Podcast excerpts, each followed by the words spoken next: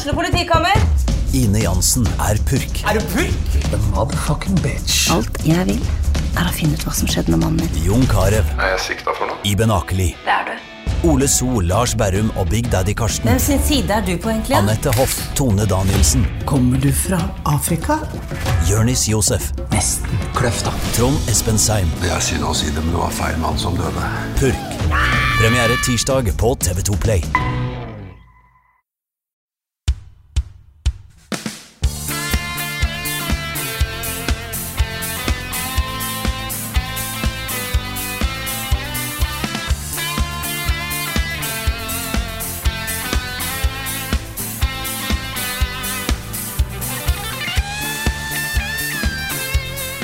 Ja, da har vi starta på'n igjen etter en uh, solid, fin, fin påskeferie. Det er tungt, må jeg si, liksom tilbake i hverdagen og sånt, men det som er fint med den uka etter påskeferien, er at det blir veldig fort helg. Velkommen til en ny episode av podkasten Level Backup med meg, Frida Danmo. Med meg denne uka her har jeg Karl Martin Hogsnes og Rune Fjell Olsen. Hallo, folkens. Hello! Hei, Frida. Jeg syns uka etter påske er helt lik uka i påsken, jeg. Nesten. Ja, Ja, fordi ja. Eh, fra nå av, Frida, så må du introdusere Rune som profesjonell streamer. Rune Fjell Olsen. Ah, shit, Ja, det er det er sant, sant. det er Ja, sant, det er jeg beklager. Eh, jeg vet, du, eh, da blir det litt annerledes. Jeg, mm. It's your boy. It's your boy Ja. Rune Fjell Olsen. Yo, what up? Jeg skal Ja. notere I love you guys. You, eh, stick with me. Det er også sånn at Vi har jo to faste, helt faste produksjoner i uka. Det er liksom spilluka på tirsdager, podkasten på torsdager. Og vi gjorde jo begge deler forrige uke. Vi har liksom ikke hatt noe pause i det. da Nei, det er sant. Ja, Og i tillegg så har vi jo spilt masse spill. Noe av det på stream. Det er jo det, er jo det vi vanligvis gjør, er det ikke da? Jo, jeg, Jo, det det er jo kanskje altså litt mer for meg sjøl, da. Eh, kanskje. Jeg Ja, har jo hatt er sant. Jeg er jo tilbake på jobb. Men det er greit, da. Det er, jo- ja. Ja, det er litt annerledes. Altså, vi har jo uh, holdt på å si en litt ny uh, covid-hverdag. Uh, men den har jo vært veldig lik i påsken som ellers. Ja, det er er akkurat det. Vi har jo eh, kost oss masse med streams. Det har jo vært så mye high quality streams i det siste at det er jo helt tullete. Eh, Ja, vi hadde en eh, herlig en på onsdag med Nick, som aldri har spilt The Stanley Parable. Som satte seg ned for å gjøre det, og det var så kult også. Det var så bra. Ja, vi endte jo opp med å nesten 100 av det spillet. Vi, Ja, Det er ikke, så, tok jo ikke langt unna. så å si hver eneste ending i nesten fire timer. Mm. Så det, det var en god chunky stream. Og så Ja. har det vært litt Dark Souls 3. ja, litt. Grann. Ja, bitte, bitte litt. Så det er, hvis du fortsatt ikke har fått med deg at vi, vi streamer så mye som vi gjør nå, gå inn på twitch.com slash levelupnord.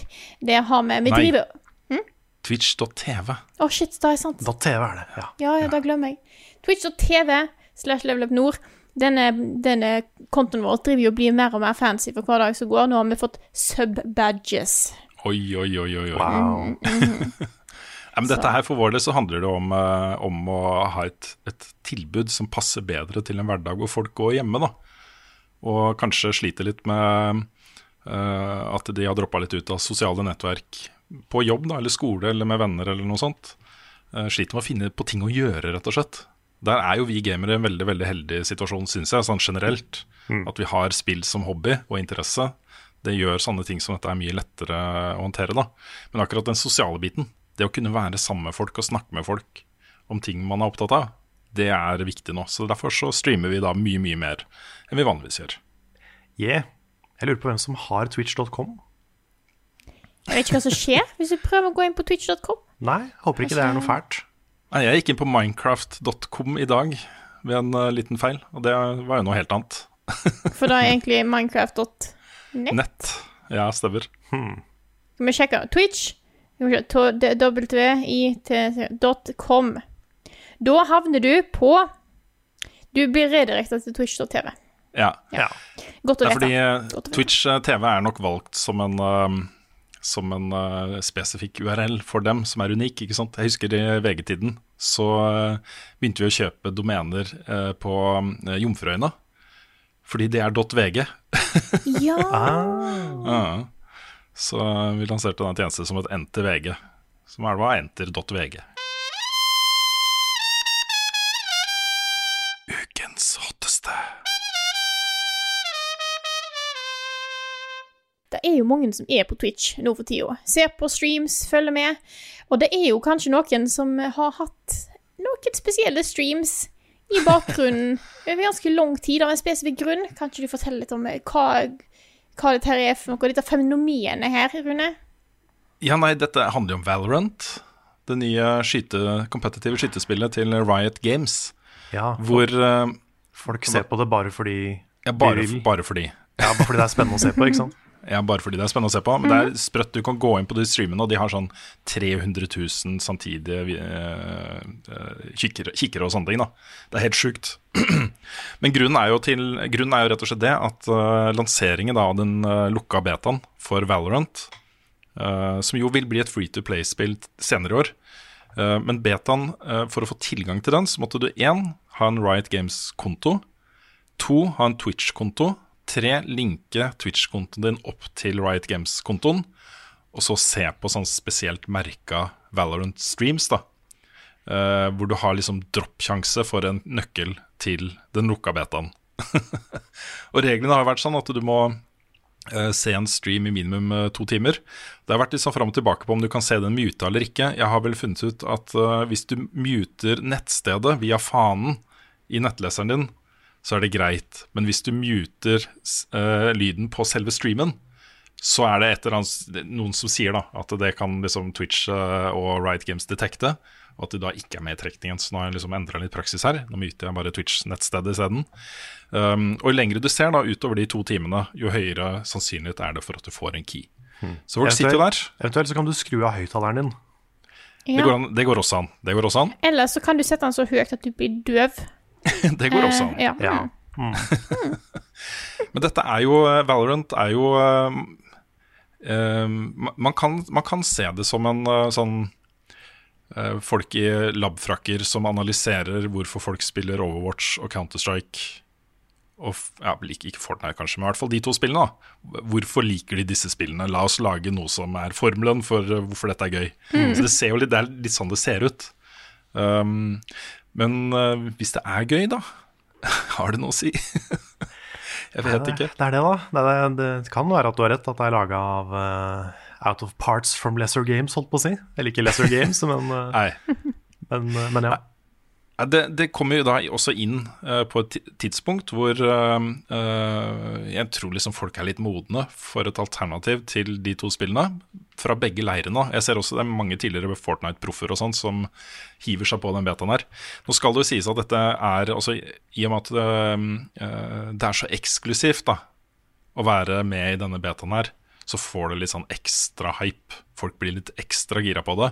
Det er ikke noen god indikator, mener jeg, da, på hvor, uh, hvor uh, vellykka det spillet kommer til å bli når det lanseres eh, for fullt. Um, det gjenstår å se. Men eh, akkurat nå så er det jo bare en, hva skal jeg si, en ve veldig vellykka eh, launch, da, vil jeg si. Det er så uh, rart hvor bra det der funker. Sånn, Det er bare å si til mennesker at eh, dette er ganske eksklusivt. Det er ganske få som kommer inn. Så vil alle inn. Jeg har hatt det sånn med Underskog, som er en sånn lukka som jeg nesten aldri har brukt. Jeg brukte litt i starten, da. Uh, det er sånn for de kule folka med Hva er det kult som skjer i byen, da, folkens? som ingen andre vet om.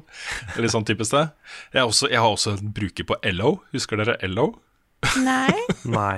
Det er også sånn du måtte ha en invite, og det var jo så eksklusivt. Og det skulle være en sånn der clean, minimalistisk alternativ til Tumblr og Twitter og sånne ting, da. Ha.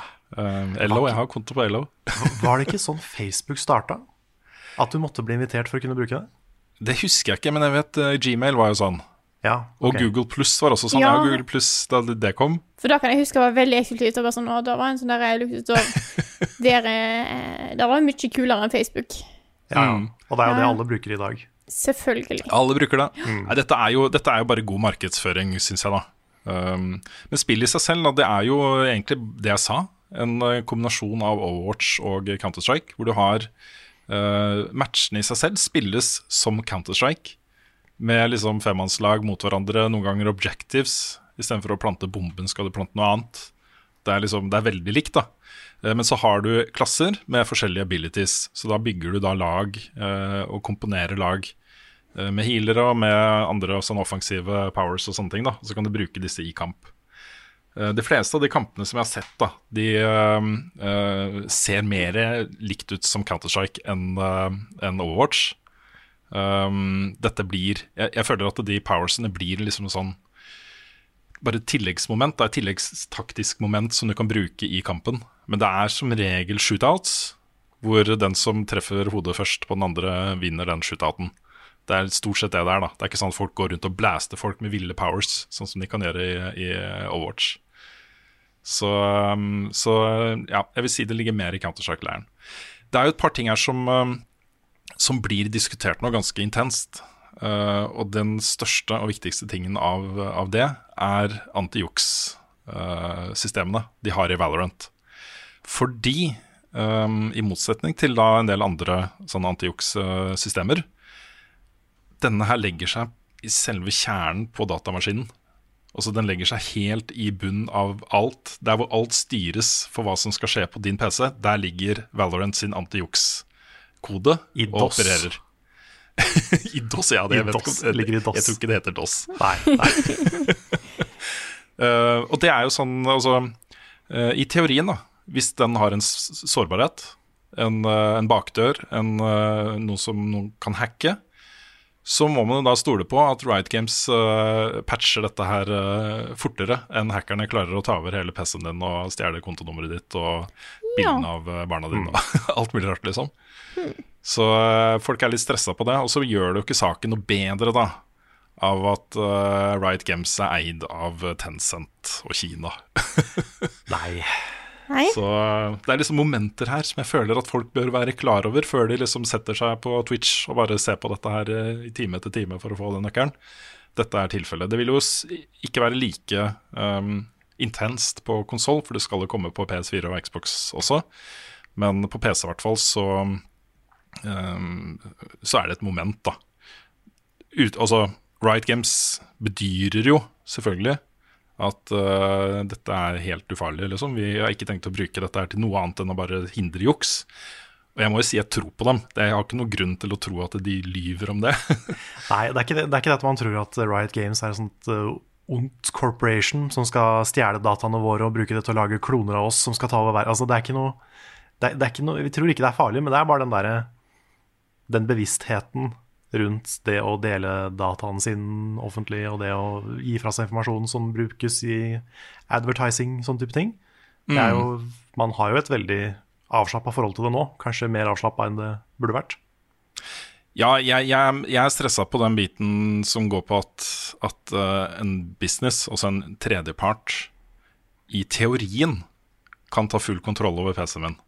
Enten da via hackere som får tilgang via dette her, eller uh, via uh, kinesiske myndigheter, eller hva som helst. Altså det, er, det, det er sånne ting som jeg, Det føles ikke så godt da å vite, og gjøre det med vilje. Installere et program som vet OK, Right Games, knock yourself out. Her er PC-en min, gjør hva dere vil med den. på en måte Det blir litt sånn. Og så er det jo superviktig da, å ta cheaters i spill. Det, er, det ødelegger jo så sjukt mye for opplevelsen til andre. Så jeg har jo all respekt for at det gjøres uh, tungt arbeid i å stoppe de. Um, men må det, legge seg liksom på, må det legge seg helt innerst i kjernen av, uh, av systemet ditt? Det er jeg litt usikker på. Nei, da Ja. plutselig, kommer, plutselig kommer The Great Hack 2, The Valorant Story. Ja. Min plan da med Valorant, uh, for å ta den Jeg håper jo at det kommer en key til slutt. Uh, og da skal jeg installere det og spille det. Og så skal, kommer jeg nok sannsynligvis da til å slette det helt, liksom. Og så vente på full lansering. Og kanskje, kanskje litt mindre uh, invaderende antijuks-systemer, da. Mm. Hva er det de kaller det her? Er det en alfa, eller er det en beta eller demo? Jeg tror det er alfa. Okay. Tror det. Men det skal komme senere i år, da. Ja, ok, ja, da er det jo Eller kan være beta. Jeg er litt usikker. Jeg kan sjekke nå. Um, uh, closed beta. Closed beta. Closed beta, ok. Mm, lukka beta. Mm, det er Så, ofte en indikator på hvor ferdig det er. Mm. Ja, det, altså, Hvis man ser de fightene, de matchene, liksom, ser folk spille det, så ser det ut som det kunne blitt lansert. Mm. Så jeg, jeg, tror ikke det er så langt unna. Jeg tror dette er sånn type sommeren en gang. da vil ja. nok komme ut uh, for alle. Gratis, som nevnt. Free to play-spill. Uh, Sikkert med masse sånne herlige mikrotransaksjoner på ting, men uh, Det er jo da Riot er kjent for, da. ja, det er jo sånn disse spillene er også. Ja. Så det er, eh, det er greit. men uh, Nick og jeg sitter nå i hvert fall og følger med på streams og håper på å få key, så det kan hende at det kommer mer litt sånn hands on-informasjon da om Valorant eh, i tiden framover. Jeg håper det. Jeg håper det. Jeg lurer på om noen har fått kode sånn uavhengig av Twitch. Om, hvis, du er, hvis du er IGN, da, eller hvis du er uh, en av de virkelig svære, om du da fikk kode, eller om du, du også må sitte og vente på Twitch. Noen måtte starte det ballet her, så jeg tipper at, uh, at øh, de hyra inn noen av de store Twitch-streamerne til å bli Ja, på laget. Det gjorde det sikkert litt sånn i e-sport-folk og sånn. Så øh, nei, det, er, det er litt gøy å følge med på, altså, for du ser, du ser så store CS-proffer og sånt sitte og streame at de spiller Valorant. Det er litt gøy å se øh, folk liksom skifte, skifte team på den måten her, da. Det hadde vært veldig Um, morsomt hvis den første som fikk kode, bare måtte sitte og vente i lobby. Det hadde vært herlig. Det, åh, det hadde vært kjempegøy, da. um, ja. Men det er jo sånn, hvis vi kikker rundt nå på de store e-sportlagene, så de fleste av dem begynner å bygge opp Valorant-lag nå. Så jeg har tro på at dette her kommer til i hvert fall en stund, da. Litt avhengig av hvor, eh, hvor velfungerende det er eh, når det er in the wild. At det kan bli en ganske stor og, og levende e-sport. Så, så det er jo spennende å få en ny spiller på laget der. Altså noe nytt som uh, kommer inn på siden av CS og Hearthstone og League of Legends og alle de andre e-sportene som har liksom pågått en stund. da. Det er greit å få inn noe nytt blod her også, syns jeg.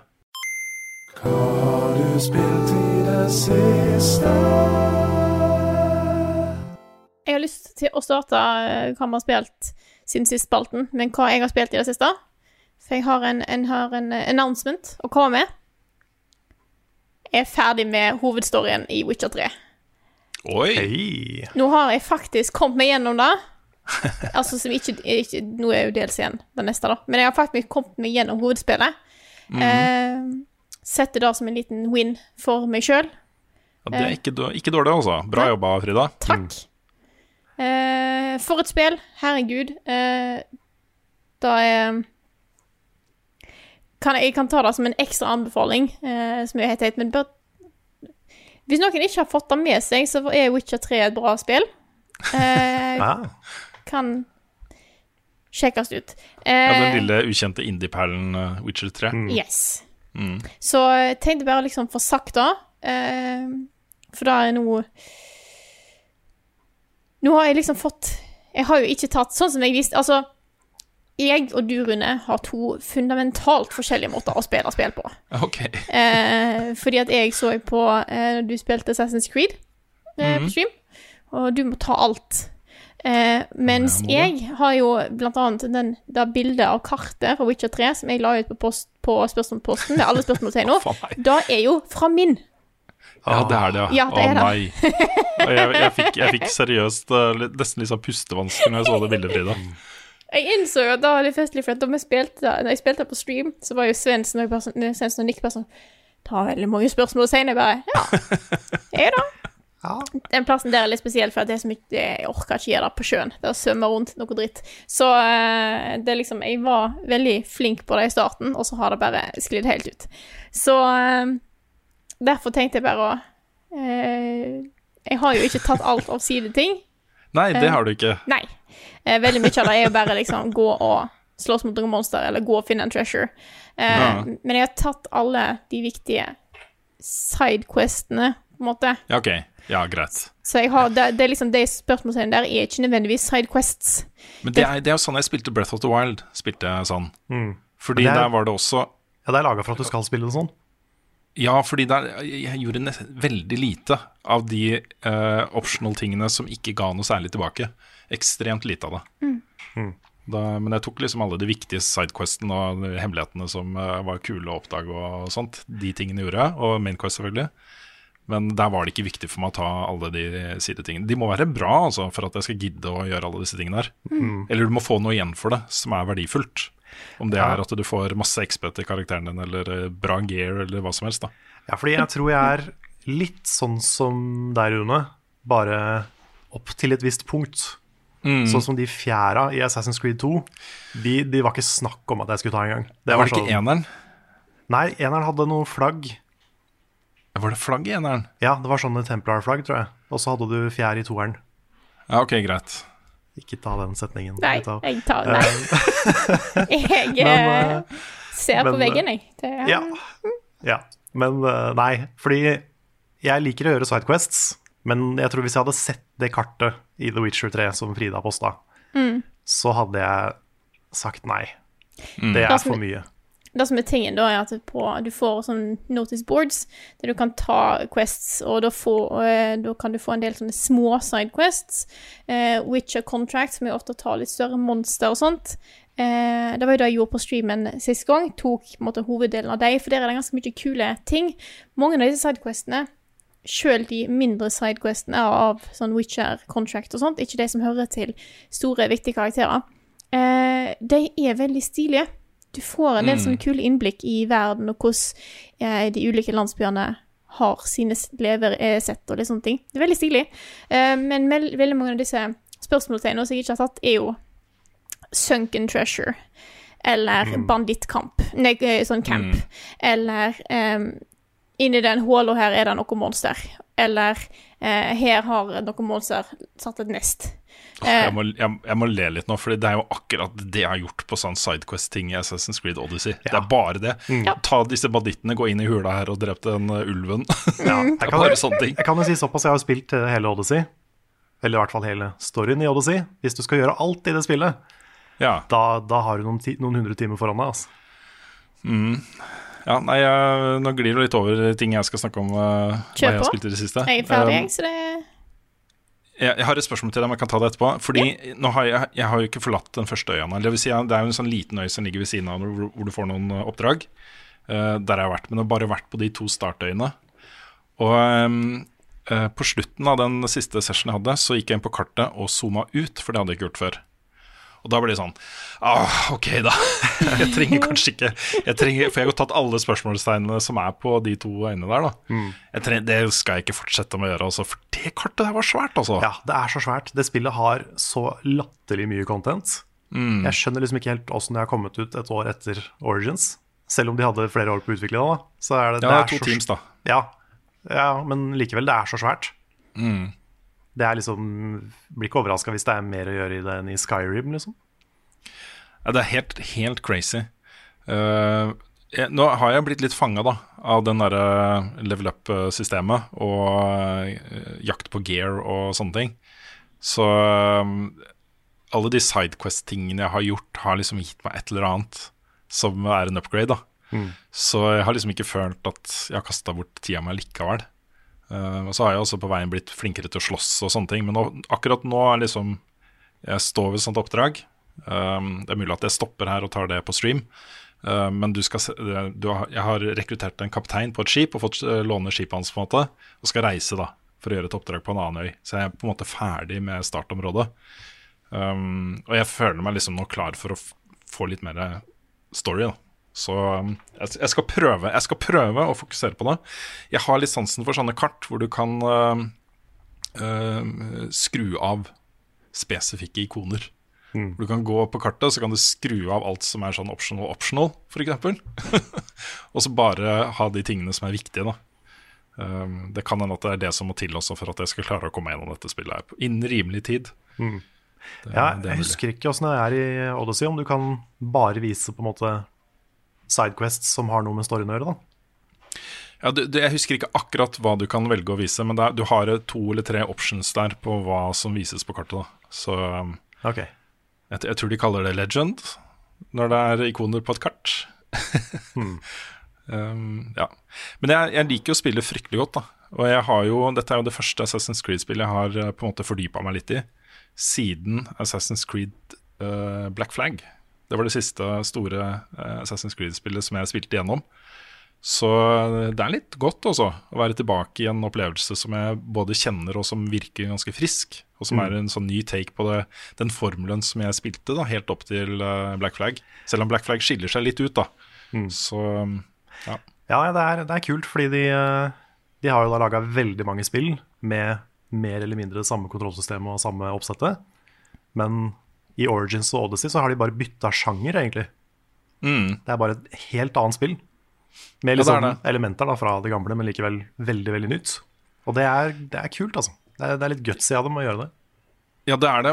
Jeg liker at du kan customize hele kampsystemet ved å velge da abilities som passer din eh, spillestil. Eh, at du kan ha, liksom, fokusere på heavy attacks og bruke de på strategiske punkter under kampen. Du kan legge inn eh, at du kan få litt helse tilbake eh, ved en annen knapp. Altså, det er masse ting du kan gjøre der. Og så vil jo også våpnene du bruker, eh, endre hele kampbildet. Og det er litt sånn som Dark Souls. Litt sånn som Dark Souls, Dark Souls, ikke helt. Det er jo fortsatt nærmere Assassin's Creed. Sånn action adventure-kampsystem enn Dark Souls. Men jeg Men jeg liker at du må være litt taktisk. ja, og hvis noen blir sinna nå, så eh, må jeg bare forsvare det med å si at jeg har hørt at man eh, som spilldesigner da, ikke kan gå uh, på et eneste planleggingsmøte uten å høre Dark Souls. Nei. Så det er garantert, garantert blitt diskutert Dark Souls under utviklingen av de spillene her. Ja, helt uten tvil. Men dette er jo på en måte for å gi spillerne morsomme kamper, da. Hvor forskjellige fiender må håndteres på forskjellig måte, og hvor du må tenke. og det er ikke bare å... Sånn som det var i de første Assassin's Creed-spillene, så kunne du bare gå gjennom hele spillet og buttonmashe. Uh, Du hadde et kult sånn counter-system, og hvis du lærte deg å bruke det, så så kampene mer heftig ut. Men uh, du måtte ikke, da. Du kunne liksom bare fly rundt og dælje. Ja, og det er nok kanskje den tingen jeg setter mest pris på i de nye. Fordi eh, Mm. det gamle kampsystemet har jeg aldri vært noe fan av. Nei. Jeg Jeg, jeg likte det litt, da. Gjorde du det? Lite grann. Men det var fordi det er noe tilfredsstillende. Måtte, jeg husker ikke nøyaktig hvordan det var, men det var sånn at hvis du tima en counter på akkurat det riktige tidspunkt, så kunne du liksom danse fra fiende til fiende, på en Ja, måte. ja, det husker jeg. Det var, det det syns jeg var gøy, da. Men det var noe med Jeg vet ikke, jeg fikk ikke noe Jeg følte aldri jeg ble noe god i de gamle Assassin's Creed-spilla. De bare Nei. spilte seg litt sjøl, på en måte. Eh, ikke, altså ikke direkte, men, men det var deler av det da som føltes veldig sånn automatisk. Ja, Mens her så har du mye mer direkte kontroll over hva du gjør. ja det har du. Og da har du med liksom måten du hopper inn og ut, og du ruller, og du må liksom Du må tenke litt mer eh, gjennom hva du gjør, da. Mm. Og det, det syns jeg kler den serien veldig godt. Selv om det fortsatt er mye combat og lite assassination sånn eh, helhetlig. Ja, og så kan du, jo, kan du jo i teorien også velge å spille det som de gamle Assassin's Creed-spillene, ved å skru ned vanskelighetsgraden og skru opp uh, den derre uh, Det at fin, hvor, hvor fienden er, da. Hvor, hvordan de er levela i forhold til deg, din rollefigur. Du kan jo skru det sånn at du alltid er på, fi, eh, på level med fiendene, øh, eller over, og at det skal være lett. Og da, vil, da tror jeg det skal kunne rase ganske fort gjennom de kampene, altså. Jeg lurer på om det er nytt, at ikke det var sånn da jeg spilte det. Ja, det er jeg usikker på. For de har jo kommet med sånn en buttload med patcher og sånn. Ja, jeg, jeg, eh, eh, jeg håper jo at jeg kommer til å fortsette å like det, fordi jeg er så sjukt nysgjerrig på den der Atlantis-delscenen som kom. Ja, den har ikke jeg heller spilt. Nei, Så den har jeg lyst til å teste. Men um, jeg syns dette er et veldig veldig bra spill så langt. Det er liksom, Jeg, jeg har ikke blitt fanga i historien ennå. Jeg syns den er liksom litt sånn Ja, det er en historie her. Men uh, jeg er mer sånn Gleder meg til å ankomme nye steder, komme over en åskam og se liksom et helt nytt område som jeg aldri har vært på. Åpenbare seg, da. Det er liksom de øyeblikkene jeg ser fram til nå i det spillet her.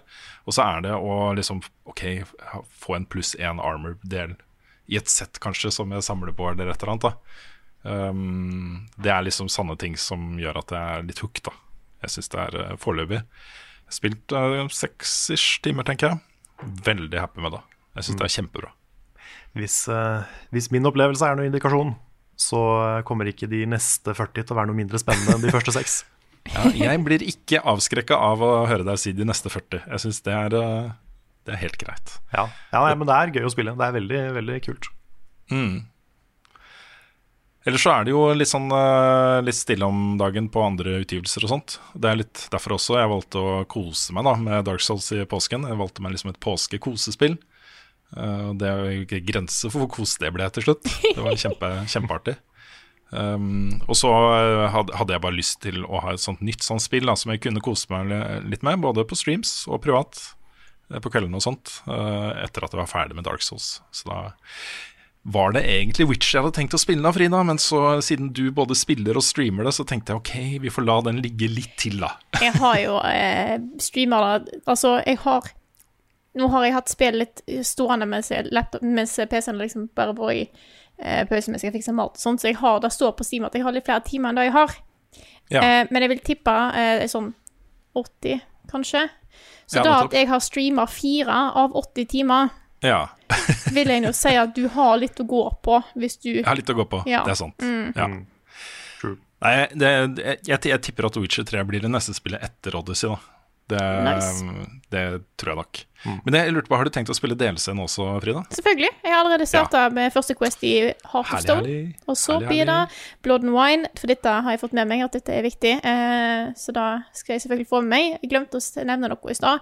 Jeg fikk en del spørsmål om det mens jeg streama det, og jeg får det sikkert senere òg. Hashtag Team Triss. Tenkte bare All å right. Var Triss med i Netflix-serien? Jeg husker ikke alle navnene, for det begynner å bli en uh, stund siden jeg så den. Triss Marigold. Ja, nettopp. Å ja, ja, ja.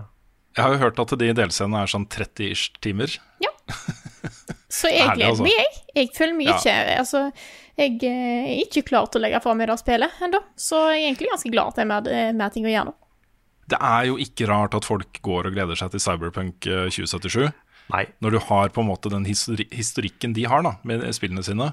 Måten de har fulgt opp utviklingen, og lanseringen, med svære delseer, masse gratis innhold osv. osv. Det er jo uh, ja, det er en sånn gavepakke til alle som liker store, åpne rollespill. Så det er jo det, forventer, det er det folk forventer av Cyberpunk også. Og de har jo allerede sagt at før lanseringen av det spillet så skal de gå ut og snakke om uh, DLC-planene sine.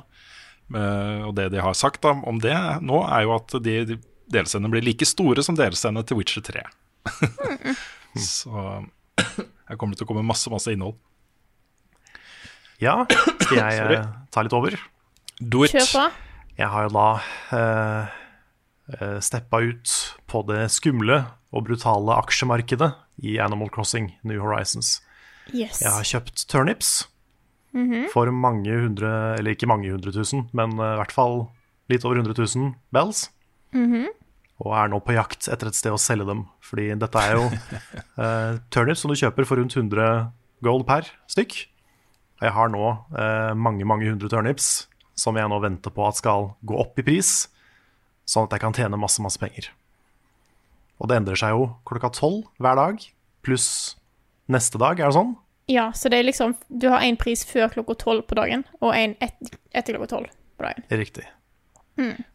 Og jeg fant jo også ut at du bare kan kjøpe de før klokka tolv på en søndag.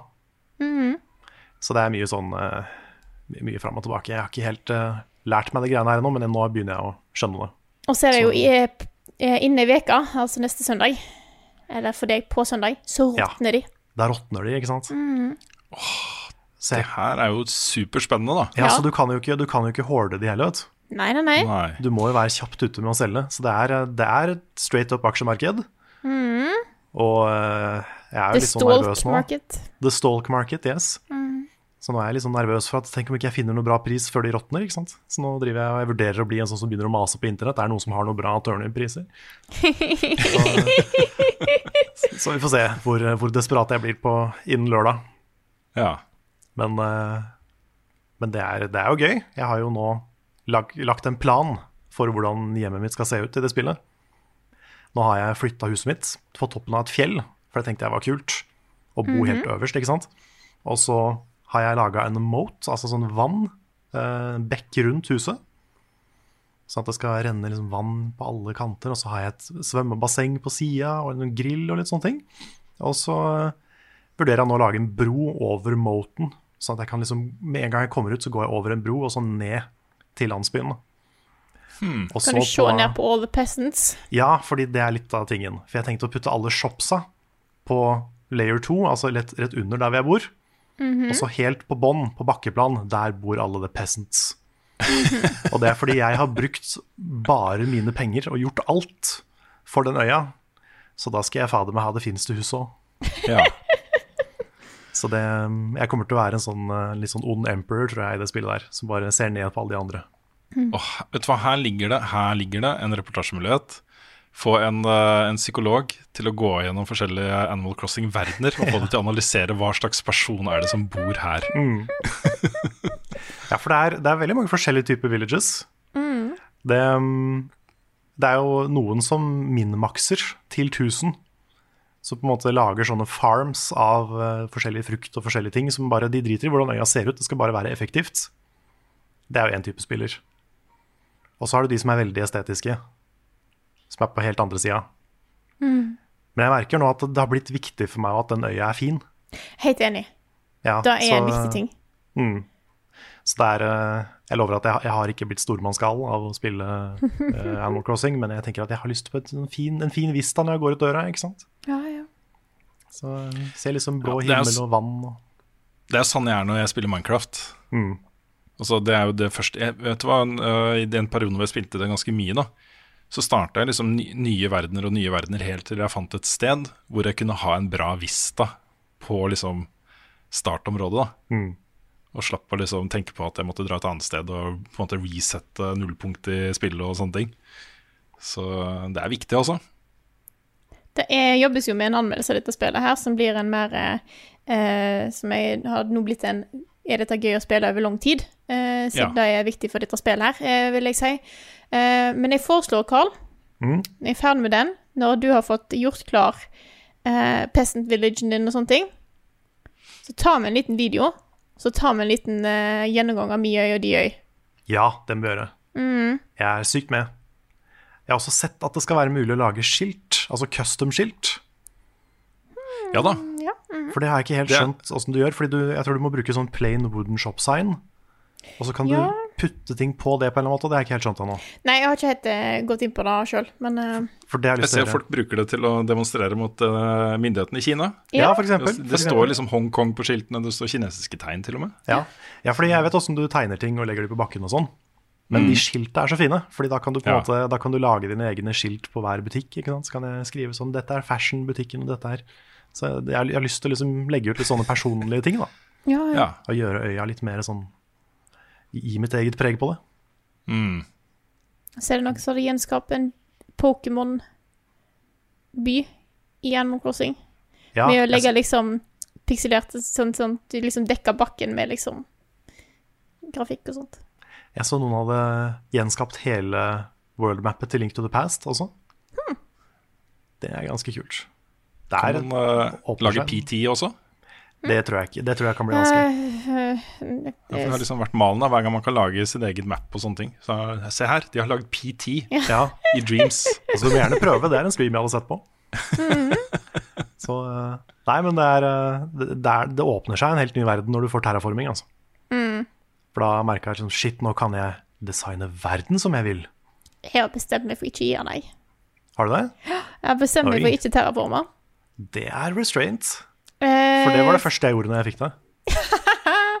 For meg så er det mer at jeg har lyst til å, at den øya skal være da den er, og så så på en måte bruke det landskapet jeg har der, eh, som en template istedenfor å måtte endre på det. Så jeg har faktisk bestemt meg for ikke terraforme. Så langt. Ja. Men det er litt sånn, jeg merker at terraforming er litt som å barbere seg. Fordi det er sånn, du får du tar liksom, Jeg skal bare ta eliten der, for der var det litt sånn ujevnt. Ja. Og så shit, nå må jeg ta litt på den sida og litt på den sida, og så plutselig så har jeg bare gjort om hele fjellet. ja. Det er derfor jeg ikke begynner. Ja. Det er jeg innsett Nei, det er sånn, nei. Det er, Skummelt. Jeg tror jeg satt i sånn to timer og bare terraforma i i går. Men veier har lagd så sinnssykt mange veier.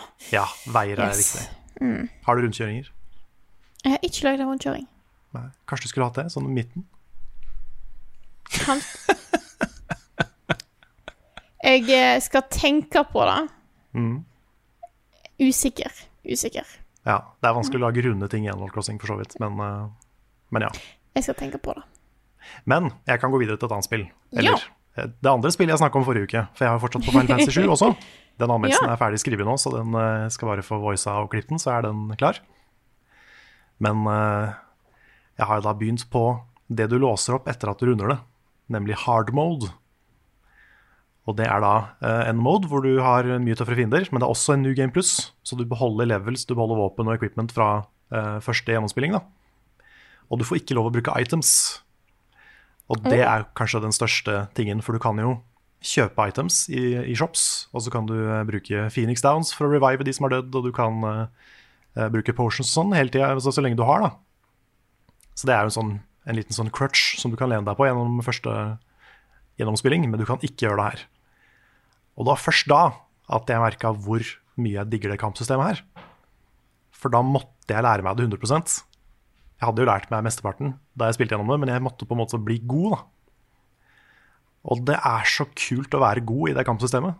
Det føles så bra. Du får så fin sånn flyt i det etter hvert. Det blir mye mer taktisk. Det blir mye mer Det er så mye mer givende å spille, da. Og det å spille Nå har jeg kommet til kapittel ni, eh, som er ca. halvveis i spillet, på hard mode. Og det har kanskje blitt favorittkampsystemet mitt i noe Final Fantasy noen gang. Wow. Yes. Og det, det kommer fra en som egentlig liker tur turbaserte kampsystem og sånn, så det, det, er, det er high praise fra meg. Welcome to the other side. Yes. Jeg liker fortsatt uh, turn-based, da. Men jeg syns det her var veldig kult. Og så er det, det er en sånn fin blanding av det gamle og det nye. Hvor du har liksom Du har litt mer action, så det blir litt mer gøy å spille eh, sånn sekund for sekund. Eh, samtidig som du har fortsatt veldig mye av det taktiske, velge riktige moves, elements, sånn type ting. da så jeg syns de har gjort en så utrolig bra jobb, og de har vært så smarte når de har laga det, det combat-systemet her.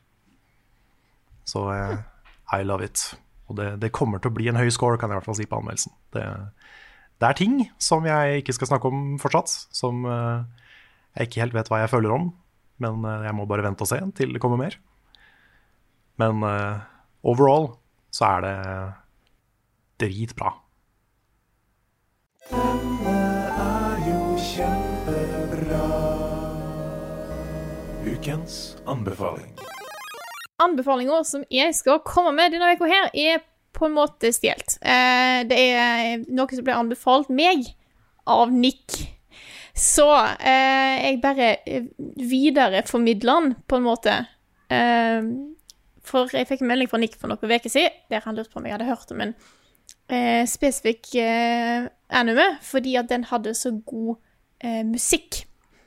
Eh, så da jeg faktisk anmelder, eh, anmelder jeg anbefaler her i dag, er ikke nødvendigvis serien. Men ja, for den er skikkelig ræva, ikke sant? Nei, den òg er veldig god. Ja, okay, eh, men jeg tenker vi skal ikke bare liksom ha anime-fokuserte anbefalinger som jeg har Det er lett å anbefale, da. Men jeg anbefaler den òg. Men da jeg hovedsakelig, hovedsakelig herregud, vil anbefale, er soundtracket til denne serien, som heter Run with the Wind. Uh, det er nemlig en sportsanime. Yes! Nå har jeg og Nick havna inn på det kjøret. Uh, vi havna inn med volleyballanimeen Haiku, som jeg anbefalte tidligere. For det har òg fantastisk soundtrack. Så Nick tok en kikk på OK, hva har han her fyren her uh, lagd av musikk tidligere? Og fant da Run with the Wind, uh, som er en springeserie. Handler om folk som skal eh, trene seg opp til å springe et sånt eh, løp opp et fjell. Eh, utrolig koselig feel good-serie, så ta gjerne kikk på den òg. Det er én sesong, og så er på en måte hele storyen ferdig. Eh, men soundtracket er helt fantastisk. Det er veldig sånn eh, melodiøst, men òg litt sånn eh, Ikke bare sånn symfonisk.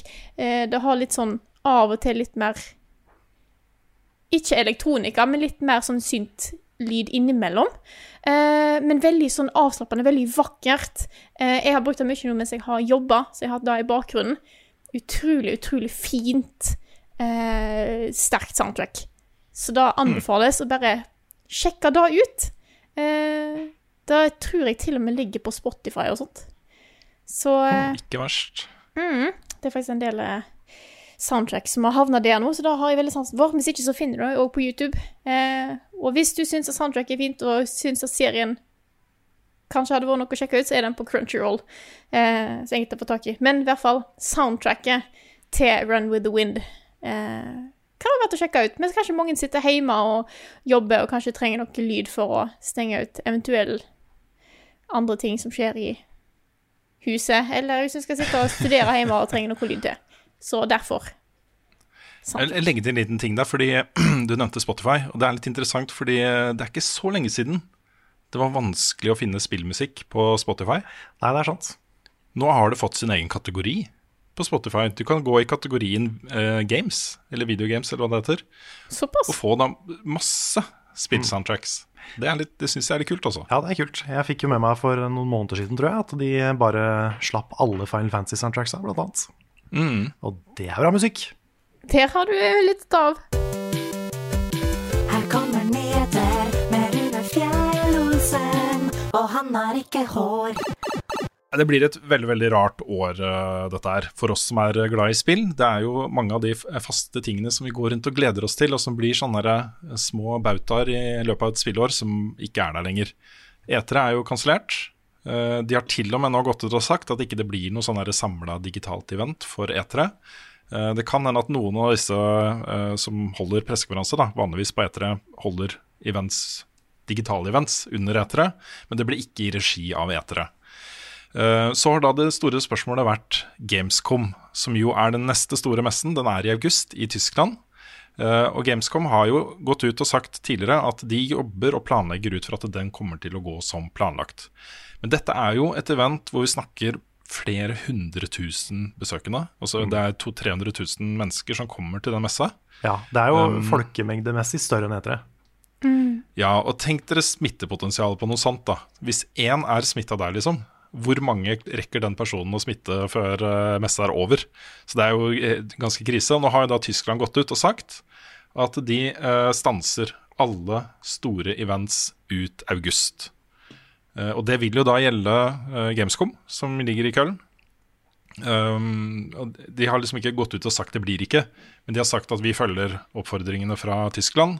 Og det, nå har de eh, switcha planleggingen da, fra å være et uh, fysisk event til å være et digitalt event. Og det har de på en måte lovt. At det skal være Gamescom i år, eh, om det så må være digitalt. Eh, og der innførte de jo i fjor en sånn Gamescom uh, sånn liveshow med Jeff Keeley og greier. Jeg tipper at de kanskje prøver å sentrere noe rundt det. da At du har det showet, og så har du kanskje en par-tre pressekonferanser og, og sånne ting. Og så litt sånn ja, andre Og greier. Apropos Jeff Keeley. Tenk om alle de store announcementene skjer på Game Awards i år. Å, shit. Det er sånn, Det kan fort skje. Hvis ikke det er noen store eh, pressekonferanser ellers, så kan det jo fort Altså, det blir jo det, men, men det kan jo fort skje at han får veldig mye. Kanskje da. Jeg, jeg kan i hvert fall love alle som følger tingene vi gjør, at uh, den dagen uh, Sony og Microsoft uh, og Nintendo setter opp de der store pressekonferansene sine digitalt, så skal vi dekke det vi også, live. Det må vi gjøre. Det blir kanskje ikke en, en At vi møtes felles, sånn som vi gjør på E3. E- E- E3. Jeg tror jeg, Jeg tror vi gjør det på eh, E3. Ja. Men, men det skal dekkes. Ja, ja, ja. Så lenge det ja for det er jo sånn så, det er så mange store announcements som skal komme i år, da. Ja, det må jo være Altså, PlayStation Mm. Ja, og Xbox. Xbox. Altså, de har jo masse spill på vei. Det er sant. Masse. Men det er jo én ting da som sikkert kompliserer dette her litt. Og det er jo det at det tar jo mange måneder å forberede det man skal vise bare på E3. Ja. De bruker jo mye tid på å eh, perfeksjonere en bitte, bitte, bitte liten chunk av et spill for å vise det fram på E3. Og det har de jo sikkert ikke mulighet til å lage nå. Så, Nei, men det de bruker mest tid på, er jo spillbare demoer. Altså de Mm. de spillene ja, som, som, som er spillbare på gulvet, folk kan sette seg ned og spille dem. Da må det jo faktisk funke. Mm. Det er sant. Men sånn Hvis de bare skal lage en eh, fet trailer, liksom, så er det litt lettere, da. Det er sant. Men sånn som også eh, det, det trenger ikke nødvendigvis å være spillbart engang. Sånn som Scalebound. Det tror jeg aldri var spillbart, mulig det er feil. Men, eh, men der viste de en sånn lang uh, bossfight. Eh, det spillet ble kansellert. Men, eh, men da viste det seg etterpå at eh, nei, det var, eh, det var ikke så mye spillet som var ferdig. Men akkurat den delen hadde vi jobba med i månedsvis bare for å få den delen. Ja. Nettopp. Ja. Så det er jo litt sånn. Er, folk har jo gått og håpt at, øh, at øh, Platinum skulle få den lisensen tilbake og fortsette å jobbe med det, men det, de har gått ut, da. Bare for å si fra til folk om at det gjør vi ikke. Det, er ing, det er ingen hos oss som jobber med dette spillet, og det er lite trolig at vi noen gang kommer til å gjøre det. Så det er egentlig bare å, jeg tror det er bare å legge den litt fra seg også. Ja, det så så kult ut. da. Ja, det så jo kult ut. Det gjorde det. Det var et av de uh, spillene jeg gleda meg veldig til. Ja, Walkman hadde den på seg. Ja, ja. han var jo veldig krampaktig kul, han hovedpersonen, men det var jo litt morsomt også.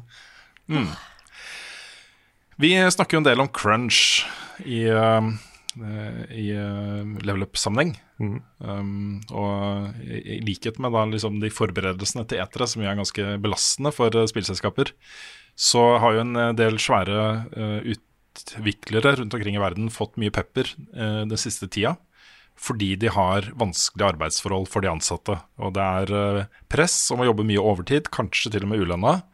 Eh, liten forståelse for at folk eh, ønsker å ha et liv utenfor jobben og, og sånne ting. Og et av de selskapene er Rockstar Games. Og det som jeg syns er litt kult å se nå, er at det er viktig at folk snakker om disse tingene. Det er viktig at det løftes opp i lyset, at folk setter søkelys på eh, praksisen hos de forskjellige selskapene. Ikke minst så tror jeg det gir de ansatte der litt mer selvtillit til å gå til ledelsen og stille krav. Um, nå har Rockstar innført en rekke endringer uh, i hele selskapsstrukturen som er basert på den type tilbakemeldinger. Um, de ansatte skal nå uh, ha mye mer fleksibilitet til å velge sin egen arbeidstid, Uh, som, det som passer deres liv best. Og det skal også være økt lønn for overtid. Eh, de har også sagt at de skal jobbe hardt for å planlegge bedre. At eh, det ikke skal legges opp til sånn to, tre, fire, fem måneder lange crunch-perioder hvor det er liksom folk må sitte og jobbe. eh, 100 timersuker, 150 timersuker for at de skal komme i mål. Ja, og det er faktisk ikke overdrivet engang. Det er snakk om 100 pluss timersuker. Ja, uten tvil. Og det er jo folk som sover på kontoret, de reiser ikke hjem. De eh, bare jobber og spiser, liksom. Mm. Så det er, eh, det er jo livsfarlig for folk å leve sånn. Oh, ja, jeg har Ja, det hørt at det gjør kjempemasse positivt med psyken din. Ja, ja, ja. Det er kjempesunt. Ja, ja. Altså Utfordringen her, da, altså det, det som vi alle må være klar over eh, når vi snakker om disse tingene, er jo at den type eh, um, eh, filosofi bak det å lage spill har jo resultert i noen av de beste spillene vi har spilt noen gang. Eh, og det at man kan gå inn i et spill som Red Dead Redemption 2 og studere hvert eneste uh, bladløv og være sånn det, altså, Attention to detail i den type spill, da. det er jo det som løfter det opp fra å være liksom, normalt gode spill til å bli liksom Hvordan har de fått til dette her? Altså, hvorfor, er, hvorfor ser dette her så mye penere ut enn alt annet? Det er fordi folk har sittet på kontoret døgnet rundt i månedsvis, årevis kanskje, for å få det til å se så bra ut. Det er derfor. Det gir jo en ganske vond bismak. Ja, det gjør det også. Men det er liksom eh, Vi må være Vi må, vi må vite det. Det, også, det. det kan hende at eh, på en måte, hvis alle skal ha, ha åtte timers arbeidsdager, og sånn, så kanskje kvaliteten på spillene går ned. Men kanskje Men de istedenfor å planlegge for 100 timers uke i tre måneder ekstra, legger på tre måneder til? Ja, Ja. Dette, dette er litt essensielt, da. For de trenger Og så trenger Rockstar Games å selge 50 millioner eksemplarer av eh, Red Dead Redemption 2. Eller holder det kanskje med 30? Eller også eh, Trenger du å få det ut liksom et år tidligere eller et halvt år tidligere for å tjene så og så mange ekstra millioner kroner, kontra det liksom Altså hvor lenge kan de De har så mye penger, ikke sant? de, kan, de kan holde på litt lenger. De har muligheten til det. Dette handler om profitt, ikke sant. Ja, men også er det også noe med det at hvis du, hvis du må ha sånne farlige arbeidsforhold for å lage et spill som er på, den, på det kvalitetsnivået, så er det jo ikke sustainable i lengden. Da kan man jo ikke, da, da funker ikke spillbransjen. Nei, det gjør ikke det. Så de, de må løse det på et vis. Og dette er jo ikke unikt heller for spillbransjen. Jeg vet det snakkes om lignende arbeidsforhold i film- og TV-bransjen også. Ja, animasjon. Uten tvil. Så, eh, så dette handler jo om, eh, handler om å Ok, det, ikke, det viktigste i livet er kanskje ikke bare å forbruke eh, kvalitetsunderholdning uansett hvordan forholdene er bak, liksom. Vi må være med på å hjelpe til å få de forholdene bedre. Så mm, det er jo Kotaku som eh, rapporterte om de nye retningslinjene i, i Rockstar Games. De forteller også at de de har snakka med, da, som jobber i selskapet, eh, uttrykker uh, uh, også Hva er det det heter? Nå leter jeg etter et ord. Det er sånn, Vi tror det ikke før vi får se det. De har litt den holdningen. Men det har i hvert fall gjort at de eh, velger å bli, da. Og, og satse på at eh, det ledelsen sier nå, kommer til å bli en eh, realitet. Ja. Så jeg tror ting har vært ganske kjipt der også. Jeg tror det har vært litt sånn eh, harry rock'n'roll-kultur. ja. Og liksom, det er den der eh, litt sånn gjennomtrengende holdningen i spillmedia om at du er heldig som får lov å jobbe med spill, ja. og derfor skal du finne deg i hva som helst. Mm. Og det er ikke bra, altså. Nei, det er ikke det. Nå har jo også Dan Houser gitt seg i Rockstar Games. Jeg vet ikke hvor stor innvirkning han har hatt på den firmakulturen, men han har jo vært veldig sentral. Jeg vet ikke um, om det er en, en del av uh, det som skjer der nå. Det, det at han har faktisk slutta. Nei, det vet jeg ikke. Vet ikke. Men det er sikkert Men det sammenfaller jo. eh, Ja, det er jo sikkert en kombinasjon, tipper jeg. At det er litt sjefene som har eh, lagt press på de ansatte, men så har det blitt en kultur i tillegg hvor man føler seg Altså man får dårlig samvittighet overfor de andre ansatte hvis man ikke gjør det. Det er også ofte en ting at man på en måte får den der team spirit-greia hvor man sitter i helvete sammen, på en måte. Og da er det jo Da blir man jo shama nesten for å Eller i hvert fall kan føle seg litt mindreverdig da, hvis man gir seg. Ja, Så det er ikke bra. det er ikke det. Jeg hopper videre til Minecraft. Det er eh, litt spennende. Det skjer så mye med Minecraft om dagen. De, har liksom i uh, betatesting nå um, uh, Nether Update, hvor det kommer masse oppdateringer til underverdenen i Minecraft. De jobber med uh, Minecraft Dungeons, som også er under testing og kommer i mai. Og så gir de nå da ut en mode, eller en, en um, oppdatering til Minecraft, som de egentlig skrinla. Og det er raytracing. eh, Raytracing eh, til Minecraft. Du må da ha et RTX 20 eh, pluss-kort og Windows 10 for å få raytracing. Men de har gitt ut en video hvor du sammenligner Vanilla Minecraft med hva man kan gjøre med lyssettingen i raytracing. Og det er liksom som å se de her høykvalitets eh, visuelle modene som finnes til Minecraft, men at det blir inkorporert i spillet på en mer behagelig måte. Da, for de er, krever sjukt mye av PC-en din. Ja, fy de Det er helt crazy. Så hvis vi klarer å få til dette her da, på en god måte, og det ser kjempepent ut og det krever ikke altfor mye av PC-en din, så syns jeg det er en viktig og god nyhet, altså. Um, betatesten av den oppdateringen starter da i dag, altså torsdag. Um, og du må være en del av det Xbox Insider-programmet på Windows 10 da, for å kunne ta del i det. Jeg har, prøvd, jeg har meldt meg inn og sjekka ut. det var ikke tilgjengelig da jeg uh, starta det opp tidligere i dag, men eh, dette har jeg lyst til å teste, teste altså. Det er nok uh, lyssetting som kommer til å bli en av de store forskjellene på neste, Mm. neste generasjon. Ja, det er helt vilt hvor stor forskjell eh, det gir. Fordi det, det gjennomsyrer hele verden. På Ja. og jeg tror Minecraft er et godt eksempel på hvor stor forskjell det kan gjøre. da. Fordi lyset i Minecraft er så flatt i utgangspunktet. Så hvis du har mange mer nyanser der, og ting reflekterer fra hverandre, og sånn, så plutselig så kan du få vann da, som ser ganske livaktig ut og naturlig ut. og, og sånt. Og bare en sann ting, vet du, det løfter jo hele opplevelsen ganske betydelig, syns jeg. Ja. Det er fascinerende faktisk å se på eh, 3D-modeller som blir brukt i eh, filmer og hva som helst. Når de er lyssatt feil, oh, ja. så ser de rett og slett dritdårlig ut. Det ser ut som sånn dårlig tidlig liksom, early 90s-modeller. Ja, Så lyssetting har så vanvittig mye å si. ja det har det. Du kan ta liksom all, eh, all 3D-animasjonen i eh, f.eks. Ringenes herre. da. Hvis du, bare bytter, hvis du bare flytter litt på lysa, kommer det til å se helt grusomt ut. Ja, det er kjempesprøtt. Og så har vi snakka litt i det siste om at, at øh, disse gratispakkene til PlayStation Plus-abonnenter er ganske heftige. Og den som er nå da i april, er jo en av de heftigste, på lenge.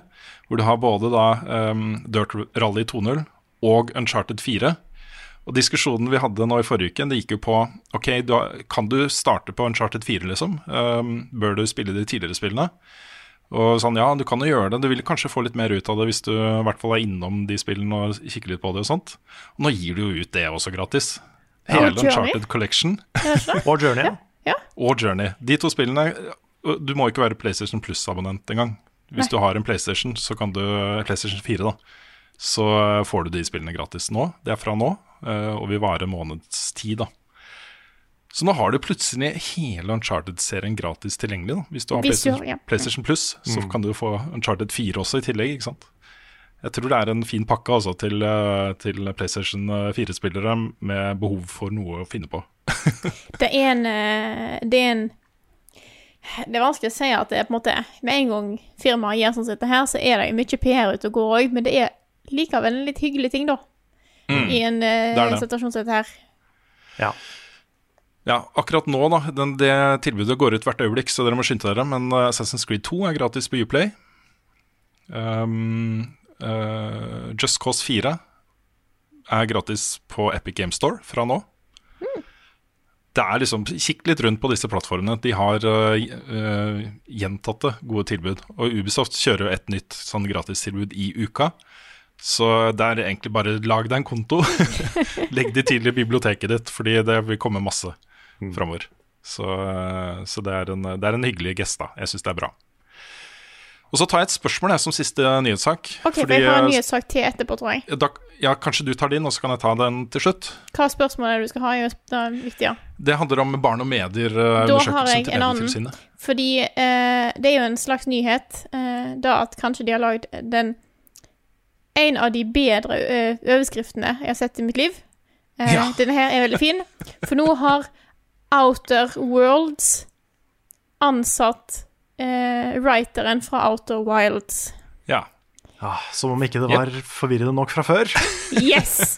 Nå er det greatest crossover event of all time. Nei da. Det er, um, jeg syns bare det er litt festlig, for det er jeg ser, jeg ja, det er kjempemorsomt. Jeg ser jo for meg at han her writeren nå kan skrive på CV-en at han har jobba på Outer W parentes I slash OR eh, Ja.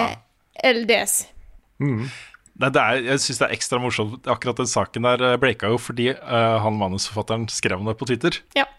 Og han har jo brukt mye tid tidligere også i sosiale medier på å prøve å forklare folk forskjellen på Outer Wilds og Outer Worlds. Hvordan man, man skal huske hvilket spill som er hva. da Og lage sånne orde, orderim og sånne setninger da som skal liksom hjelpe deg å huske hvem som er hva. Og så plutselig så skal over dit. Jeg syns det er kjempegøy. Altså. Det er gøy. Men det, er, det må være litt kjipt òg, å gi ut et spill som heter Outer Wilds, samtidig som et svært spill som heter Outer Worlds kommer.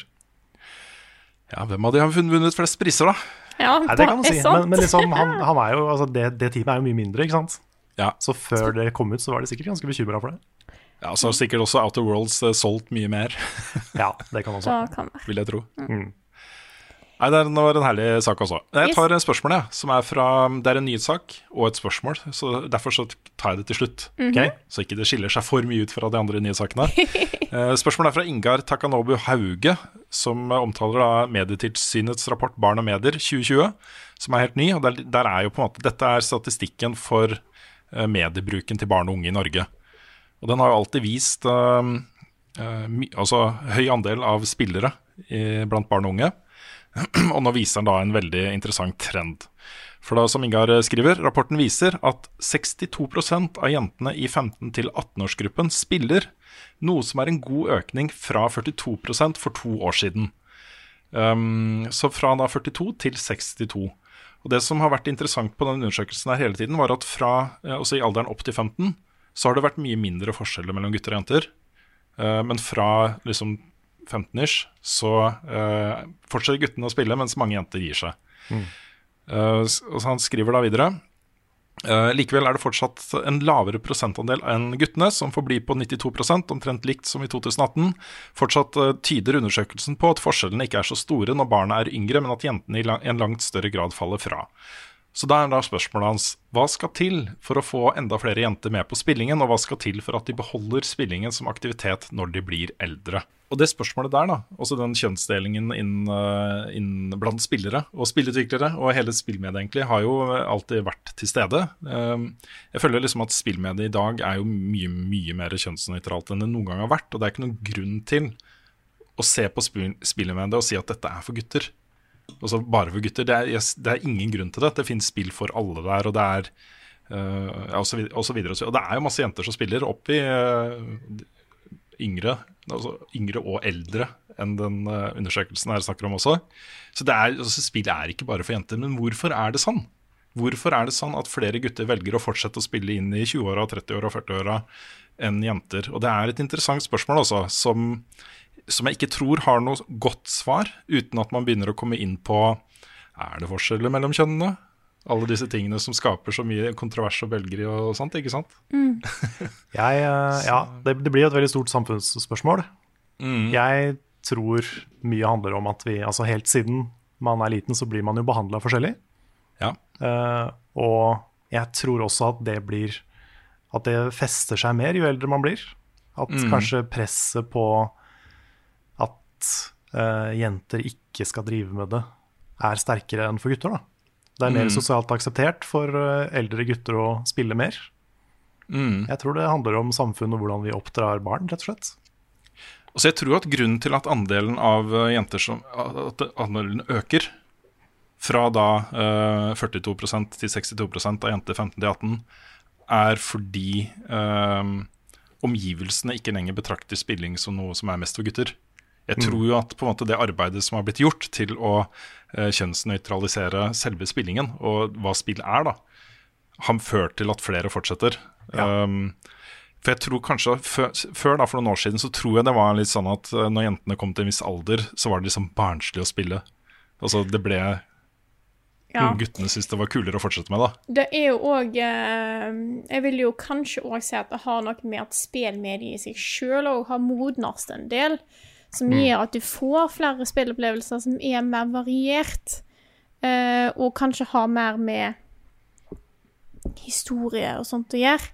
Eh, Det er jo egentlig veldig interessant og spennende hvordan en på en måte ser eh, trender på ulike spill, hva som slår an og sånt. Eh, jeg las Mm. nylig at Animal Crossing, tidligere utgivelser, har jo hatt eh, ganske på en måte, Det har jo hatt 50 kvinnelig audience, som Mm. i forspill er jo ganske eh, ikke så vanlig, da. Eh, så jeg vet ikke om det er bare fordi at ting har blitt mer variert med årene. Det er så utrolig vanskelig for meg å si. Eh, Ja, vi, har, vi er ikke noen ekspert på det. Vi har ikke, vi har ikke fasiten. i det Nei, nei, nei, nei, men jeg er jo jente, sant? Så jeg prøver Ja, liksom å finne ut hva er det som er, er det som i spillmediet som gjorde at jeg fortsatte med det, Mhm. mens andre falt av. Og da er liksom Ok, Her Ja. har jeg en veldig sånn derre uh, lekmanns uh, Ikke ta det jeg sier nå alvorlig type teori. mm, Men Frida, Hei. du er ganske Du har ganske nerd? Konkurranseinnstilt. Konkurranseinstinkt, ja. Du liker å konkurrere. Yes. Mm.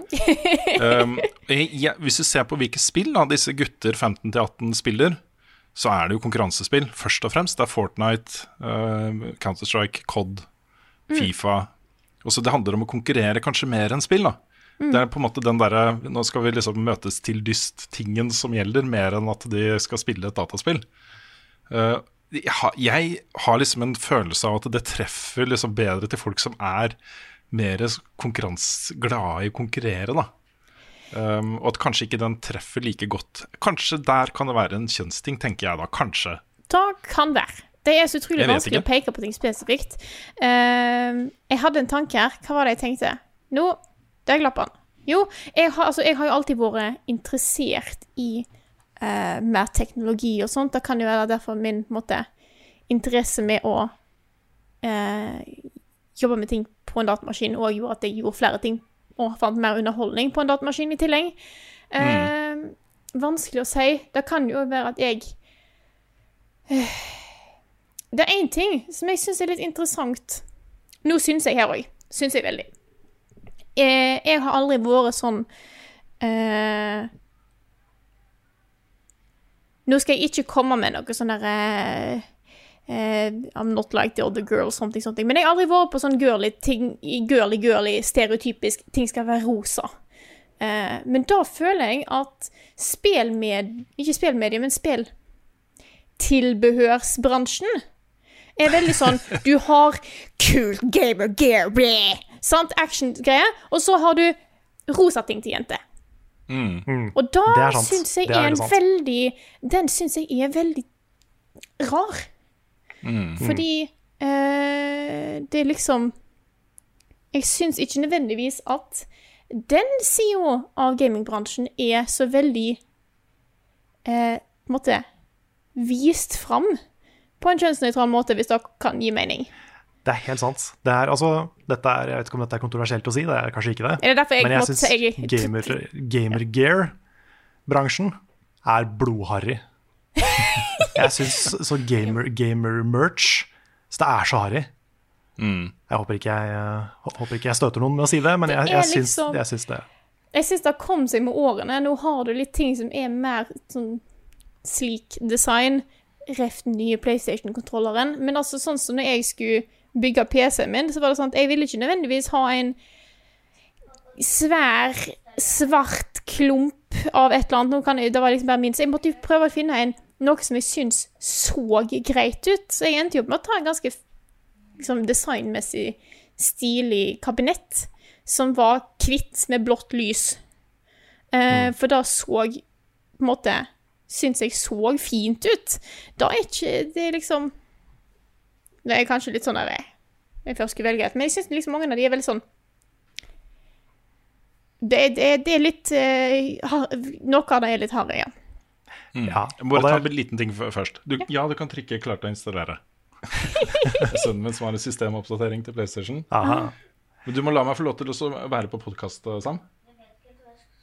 Ja, trykk på X. X. Neste. Nå ser vi IT-konsulenten i sitt naturlige habitat. Ja. Det er- er bra du spør, eh, Sam. Så fortsett med det. Men nå er jeg i opptak. Det er både IT og Ja, du må, du må installere alt på nytt. pedagogikk Altså, du må samtidig. la maskinen starte på nytt. Og så når den kommer opp, så vil du kunne Koronasituasjonen har gjort det vanskelig å være forelder. Plutselig Ja. må en være Ja, mange ting. men, uh, ja, nei, Nettopp. sorry. Jeg er litt usikker på om jeg skal beholde den her i vi får se. podkasten eller ikke. Men for å, deg. for å være litt mer spesifikk, da. Jeg tenkte ikke først og fremst på konsoller og konsolldesign når, jeg- når jeg sa det var harry. Jeg tenker mer på sånn gamingstoler, gaming-headset, Ja, mus, tastatur, sånne type ting. Sånn som jeg har en MMO-mus ved siden av meg. Den har tre slanger på. Og det det er Hadde det ikke- holdt med én eller to? Ja, kanskje? det er på en måte ikke helt min vibe, da, føler jeg. Men det er på en måte Ja, du har et må hvitt headset, da. Hvitt headset har jeg. Men det er fordi Ja. det var det, det, den fargen de hadde. Ja. Nei, altså, jeg, jeg, eh, jeg tror at, eh, at spillbransjen sakte, men sikkert innser at eh, representasjonen betyr noe.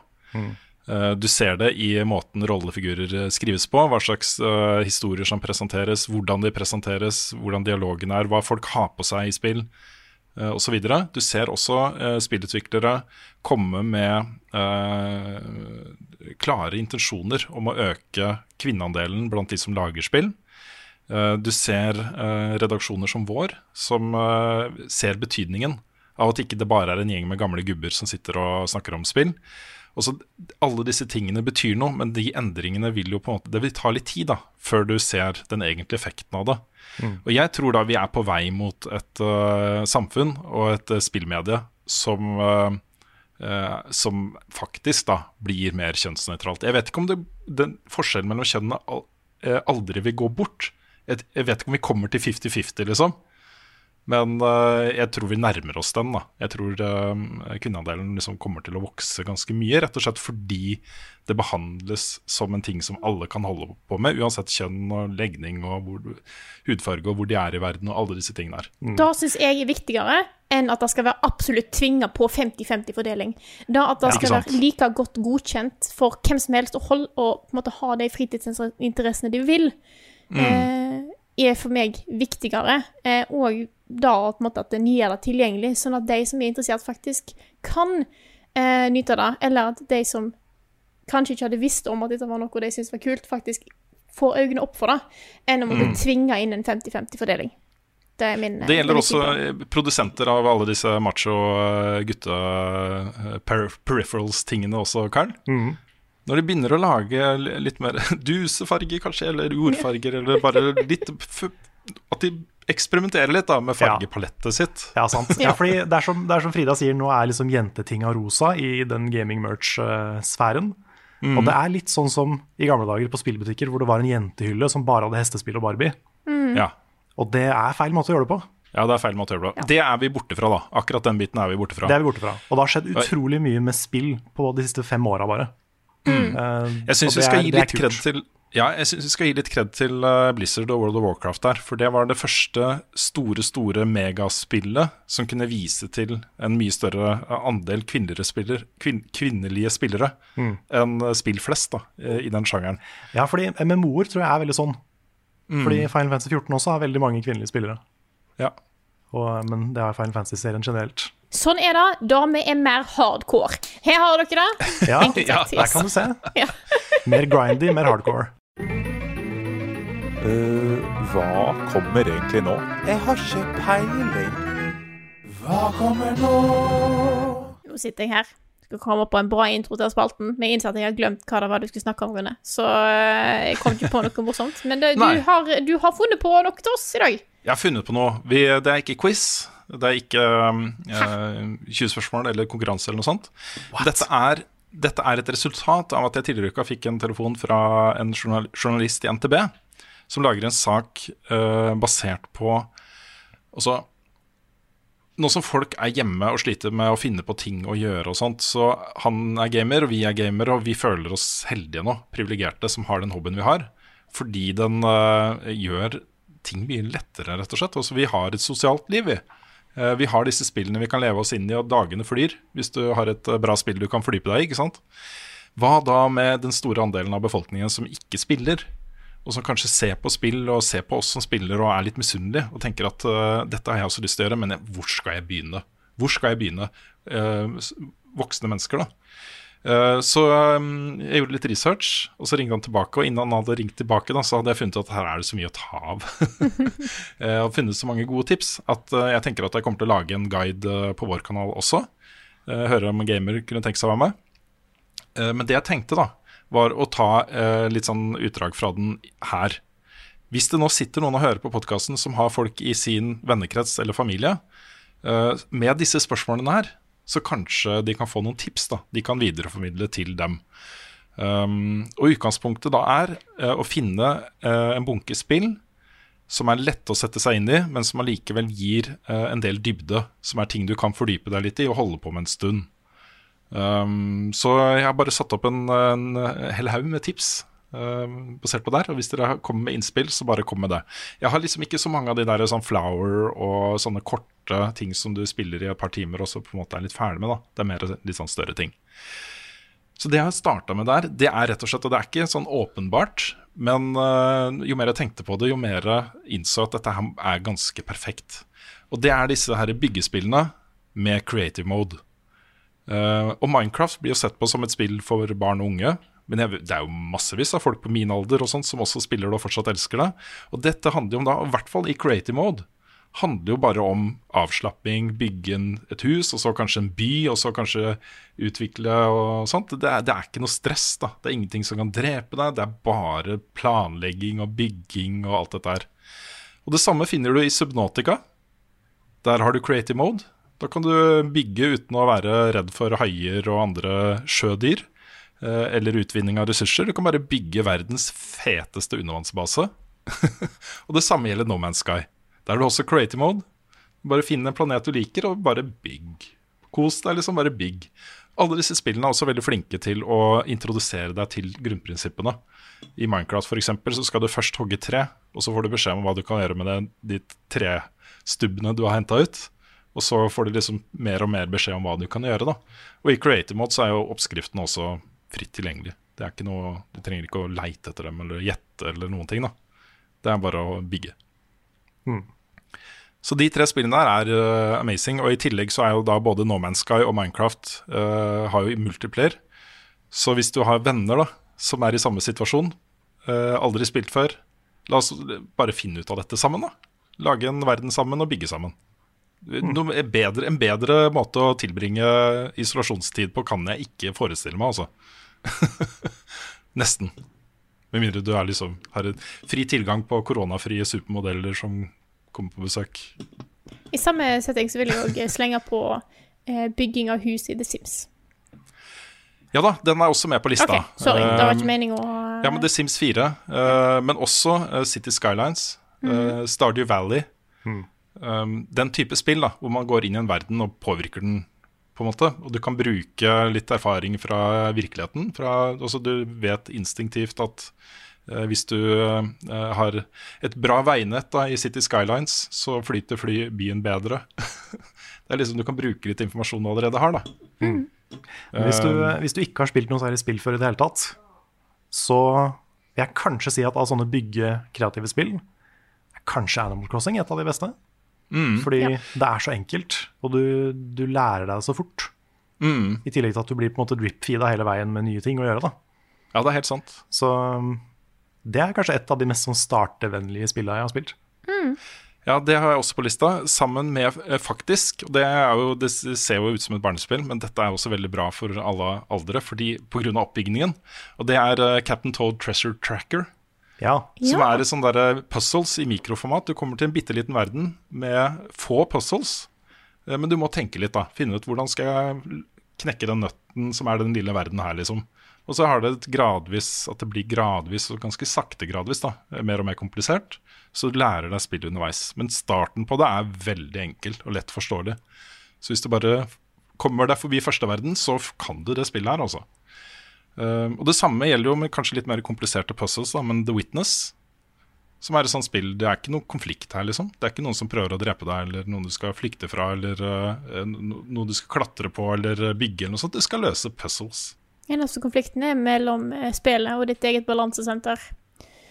ja, det er sant. Ja. Det er sant. Uh, men uh, det fins jo på iPad, gjør det ikke det? Jo da, det fins på iPad. Det fins på Jeg tror til og med det fins på de nyere IOS, også vanlige smarttelefonmodellene. Så ja. Mm. og så et spill som House Flipper. Tenk dere da. Dette er jo et perfekt spill for eh, folk som er opptatt av hus. og et spill som kan gi deg litt sånn, altså, ikke sant, Mens støvet legger seg på alle flater i huset, og du orker ikke å støvsuge og holde orden på ditt egne, så kan du jo pusse opp noen andre sitt hus, da, virtuelle hus. Ja, og få litt sånn følelse av å ja, får til ting allikevel. Ja, fordi faren min han, han har begynt å snekre terrasse nå, Ja. hjemme. Så han hadde sikkert hatt glede av bare å gjøre det i House Flipper isteden, så slik kan han slappe av. Mm. Det er fordi House Flipper har det spillelementet som gjør at folk liksom blir litt hooked. Mm. Uh, og det er jo det at du, ok, du får en rønne, pusser den opp, selger den, får en liten slant penger, bruker de pengene til å investere i litt større hus neste du kjøper, flere oppgraderinger osv. Så, videre. så du, er liksom, du har en progresjonssystem der da, som er veldig bra. Um, skal vi se hva annet jeg har satt opp. Jeg har satt opp Altos Odyssey til IOS. Perfect for folk som ikke har spilt noe særlig før. Um, Civilization 6, for folk som er litt sånn history buffs, så kan du da ta utgangspunkt i en sivilisasjon og så bygge den opp og samarbeide med eller være i konflikt med nabosivilisasjoner og sånne ting, og også sammen med venner, da, hvis du vil. Det er sant. Det er um, litt mye å sette seg inn i sånn i begynnelsen, men, um, men man kommer fort inn i det, i hvert fall hvis man har noen å spille med som man spilte før. Ja, for det er, det er litt det også. Enten det, eller at man bare setter seg ned og følger litt guider på YouTube, eller, uh, Mm. eller bare uh, prøver og feiler, da. Og prøver liksom den på en måte, ikke nødvendigvis Altså begynner på start, da. Mm. Enkle tutorials og Mm. tar det steg for Ja. steg. Mm. Det er sant. Uh, og så et par uh, også veldig åpenbare valg, egentlig. Golf with your friends. Hvis du har lyst til å spille med vennene dine. Det er jo, du- Alle forstår det, liksom. Det er minigolf. Um, og du kan spille det i multiplayer, eller alene, alene hvis du vil. da um, Også da Everybody's Golf på PlayStation 4. Det er et herlig sånn golf uh, Lett å forstå golfspill. Mm. Det er sant. Så, ja.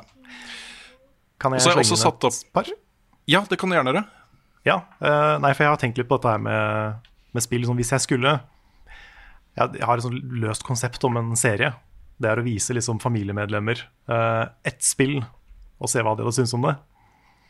Og uh, da har jeg tenkt på ehm, Gris som Mm. ett. Som, eh, fordi Ja. mamma har sånne kunstneriske, veldig sånne fine bilder rundt omkring i huset hjemme. Mm. Og ehm, de ligner litt på stilen i Gris. Ja. Så tenker jeg ok, da har det appellert til mamma. Pluss at det er lett å spille. Det er 2D. Det er ikke så komplisert, på en måte. Så det, det har liksom en del sånn jeg, jeg tenker litt på sånn prøv å finne en interesse Mm. som den personen har, da. Ja. Og så prøv å finne et brukervennlig spill basert på det. Mm. For du har jo, eh, Hvis for du har venner eller familiemedlemmer som ikke spiller, men som er interessert i krim, så sett på Her Story, f.eks. Ja da. Eller hvis du, eh, hvis du har eh, Jeg har jo tenkt mye på bestefaren min, som er veldig glad i sudoku og kryssord og sånn. Har så lyst til å spille The Witness med han. Mm. Så det er liksom, jeg tenker litt sånn interessebasert, da. Prøve å Det finne noe, poeng, som, det, altså. noe som er litt i gata med noe de liker fra før. Mm. Jeg kan Og i gata med, ja, i gata med gris så har de sånne spill som Journey og Absu og, Mm. og sånne ting også. For jeg, Ja. jeg tror liksom En sånn terskel av folk må over, det er å forstå uh, kontrollmekanikken. Mm. Og Om det er mus og tastatur. Ja, men om det er mus og tastatur eller en håndkontroller, at de forstår sammenhengen mellom hva de gjør, da, hvilke knapper de trykker på, og det som skjer i spillet. Og Hvis du først skjønner det, så er på en måte hele spillverdenen åpen. Ta et spill som eh, Super Mario Odyssey eller eh, Breath of the Wild f.eks. Um, hvis de først bare setter seg inn i det og lærer seg kontrollsystemet, og sånn, så kan du liksom gli inn i det og bli en skikkelig gamer. da Mm. Ved å bare fortsette, ikke gi deg. Jeg eh, vil òg slenge på noe som er mm. kanskje litt Så nå har jo foreldrene mine testa litt point and click-spill eh, før. Eh, det er jo De har jo måtte, vært litt inni det, så de er ikke helt ukjent for spillmediet. Men noe som mm, jeg har satt veldig pris på under tida, er at vi ofte har spilt ting sammen. Ting som gjerne Mm. er enplayerspill, men som jeg har styrt, eh, og som resten av familien har vært med og eh, tatt valg på. Vi har jo spilt Heavy Rain. Ikke, nødvend, altså, ikke nødvendigvis Heavy Rain, eh, kan, fordi at 6-1 var veldig klein. Men sånne type spill der en skal Mm. gjøre et eller annet, kanskje Telltale sine spill eh, Mm. Dette er på en måte en måte for å gjøre ting sammen med folk som vanligvis ikke spiller, men som en måte å ta, ta spill som har en god story, der en kanskje skal ta litt eh, Gjøre litt avgjørelser, ta litt valg, sånne ting. Da de som ikke nødvendigvis er så gode på dette her med å manøvrere og styre i spill, kan likevel være med på selve historien. Ta og Prøv å finne noe som ikke har bare uendelig eh, mange enemy-kamper og sånt, men ting som er ganske historiefokusert, kan Mm. være eh, Life kult is å gjøre Strange. sammen. Life is Strange. Life is Strange, ja. 1 og 2. Mm. Mm. Det blir en litt annen retning, men ja. Jeg har Altså, også satt opp noen spill i den gata der. For, eh, Detroit, for eksempel. Mm. Detroit Become Human.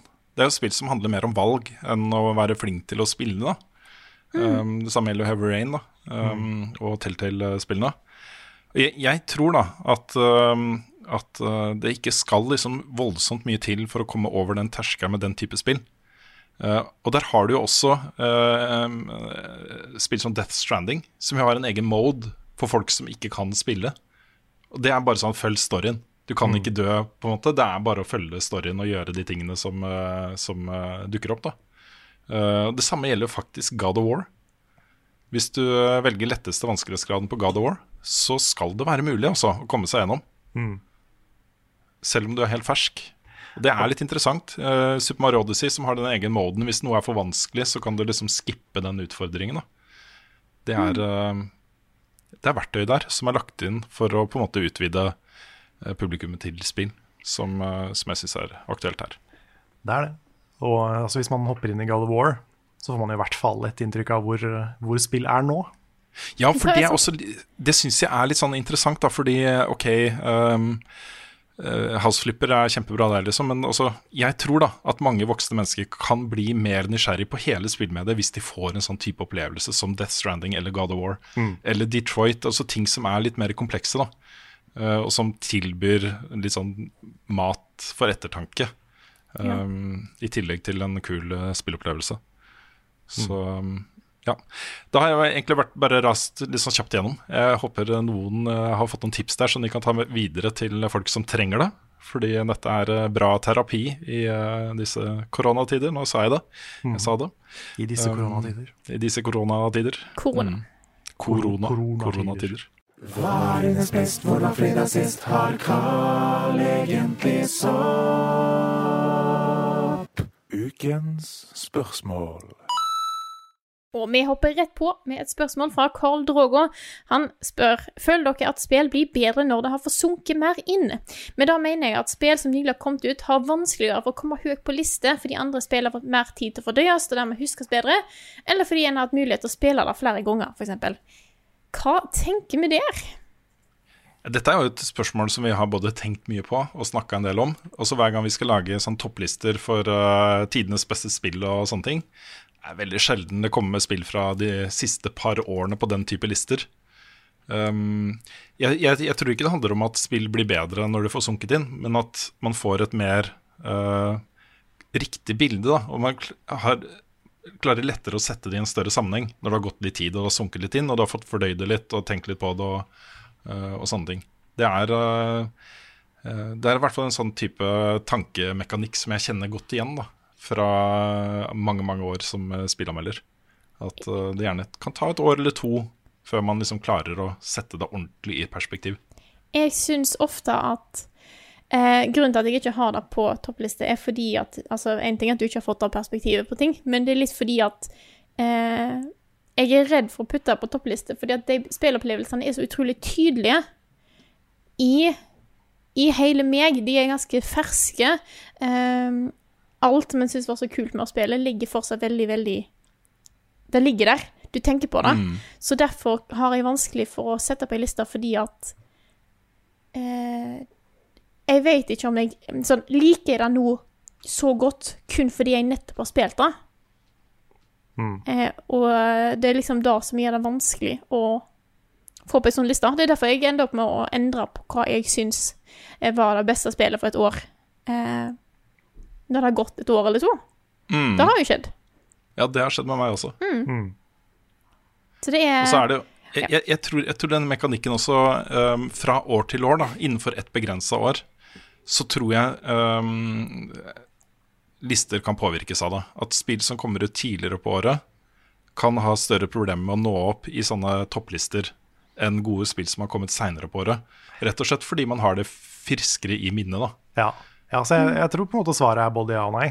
At hvis et Ja. spill kommer i januar, så har det en ulempe. Men hvis du har fått fordøyd det og tenkt mye over det etterpå, så kan det også være en fordel. Det, er liksom, det, er så, det er så, kommer så an på spillet. Det er noen spill som òg har godt av å bli fordøyd litt. Ja. Eh, mens noen spill Altså, det er mange gode spillopplevelser jeg har hatt de siste årene som jeg har nå glemt. Ja, det er, også sant. Så det er faktisk veldig opp Det spørs veldig hva type opplevelse det er òg, tenker jeg. Mm. Mm. Ja, for nå er du ikke så glad i Undertale lenger, ikke sant? Nei. Eh, Nei. Da har jeg helt glemt ut at det fins. Ja. Du sitter ikke med en Napster Blue T-skjorte. Nei. Nei, men det er jo På, på litt sånn kortere perspektiver da, så, så har vi jo eh, en slags policy om at hvis vi kan la et spill få ligge et par dager før man skal gi det en score og en endelig dom, liksom, så er det alltid en fordel. da. Fordi uh, den derre minnet man har når det er helt ferskt, er ikke nødvendigvis det samme minnet du har om et år eller om en uke eller om tre måneder. eller uh, Den derre fordøyinga er litt en viktig del av prosessen. da. Jeg tror jeg har gjort det på alle spill, bortsett fra Gris. Etter jeg spilte Gris, så måtte jeg bare gå og sette meg ned og skrive den anmeldelsen med en gang. Ja. Eh, men ellers så har jeg alltid på en måte tatt en dag eller to, bare for å liksom Mm. få et mer overblikk på opplevelsen. Mm. Men uh, ja, i, i en ideell verden så ville alle anmeldere hatt muligheten til å la, la det ligge en uke eller to. Mm. Uh, du ser det gjerne på, på svære utgivelser som alle skynder seg med å være først ute med anmeldelse til, eller rekke en embargo. da. Så er det ganske ofte også at den første bølgen av scores er høyere enn de som kommer en uke eller to eller tre eller fire etterpå. Mm. Um, det er på en måte en vanlig felle man kan gå i som anmelder. Da. At man er litt fanga i den der sånn panegyriske og alt er så fett, liksom. Um, før man får tenkt seg litt om, da. Mm. Det er sant. Så betyr ikke det nødvendigvis at du skal eh, må vente på en måte et år for at spillet skal komme i perspektiv før du kan ta en anmeldelse, da. Eller til å grave deg ned for å finne alle feilene i et spill. Eh, for å kunne oh, det hadde egentlig vært en litt sånn interessant uh, satsing, da. Spillsatsing. Mm. Hvor du later som om du eksisterer uh, et år tidligere enn der hvor du faktisk er. Ja. Du, du starter liksom på 1.1.2020, så starter du på 1.1.2019. Og så bare behandler du året som, som det var det året du var i, da. Ja. var sånn shit, guys, jeg spilte nettopp et sykt bra spill. Kom ut Ja, det er- kunne vært litt kult, da. Eller kanskje tatt fem eller ti år, da. Ja. Det hadde kanskje vært enda mer interessant. Mm. Tidsmaskinen. Tidsmaskin.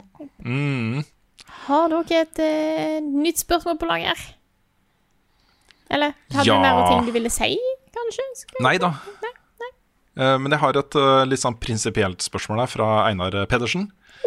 Um, som eh, skriver uh, Solsbornero har, Det er jo samleparaplyen. Uh, Solsborn.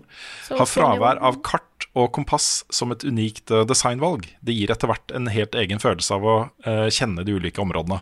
Ville flere spill tjent på å droppe maps? Og dette er jo et litt sånn det var Den diskusjonen hadde jeg med chatten da jeg starta å streame eh, Assassin's Creed Odyssey også. Skal jeg starte i adventure mode, eller skal jeg ha disse gule ikonene på kartet og spørsmålstegn og ting som forteller meg hvor jeg skal gå, da? Um, mange spill gir deg nå muligheten til å velge, og det syns jeg er veldig bra også. Eh, sånn som i f.eks. Odyssey, så vil du da, hvis du velger adventure mode, så vil alle du snakker med som gir deg oppdrag, de vil ha et dialogvalg som gir et hint om hvor du skal. Og som det sier f.eks. at det ligger sørvest på, på øya, eh, litt bortafor den og den byen f.eks. Så kan du bruke det som utgangspunkt til å finne stedet, istedenfor å gå etter det gule ikonet. Um, det er jo, jeg, jeg mener at, uh, at, det å gi spillerne muligheten til å velge, da, særlig open world-spill, er, uh, er, det beste valget. Men uh, også eksempelet han uh, Einar brukte, da, med Saltsborne-spillene, så er jo de mye mer begrensa. Altså, det er ikke open world. Mm. Det er uh, trangere verdener. Men de har liksom mange forskjellige inngangsporter til de forskjellige stedene, og uh, de tvinnes i hverandre på interessante måter og sånt. Og der vil jeg ikke ha noen gule ikoner som viser meg hvor jeg skal, altså. nei, det kommer så an på Nei, sorry. Eh, dette, er, nei, dette er jo en diskusjon fra spill til spill. Jeg hadde jo en, en, en hypotese mens jeg holdt på med Hva spill var da, da? Sandblade Chronicles 2, var det? Jeg i hvert fall hadde en lang Jeg hadde lagd en sånn lang halvsides rant eh, om eh, spill med open world-spill med kart og pointers. Eh, den er jeg litt usikker på om jeg er enig med nå, men eh, ideen min var i hvert fall at hvis du har for mange pointers, så går du etter dem istedenfor å utforske kartet. Sånn som mm. en f.eks. gjør i Breath of the Wild, der du kun har veldig få. Du får bare noen få liksom, punkt så du får beskjed at her skal du, og så kan du sette egne sjøl i tillegg. Jeg tror at spillet ikke nødvendigvis har gått av for mange sånne og veldig tydelige ting.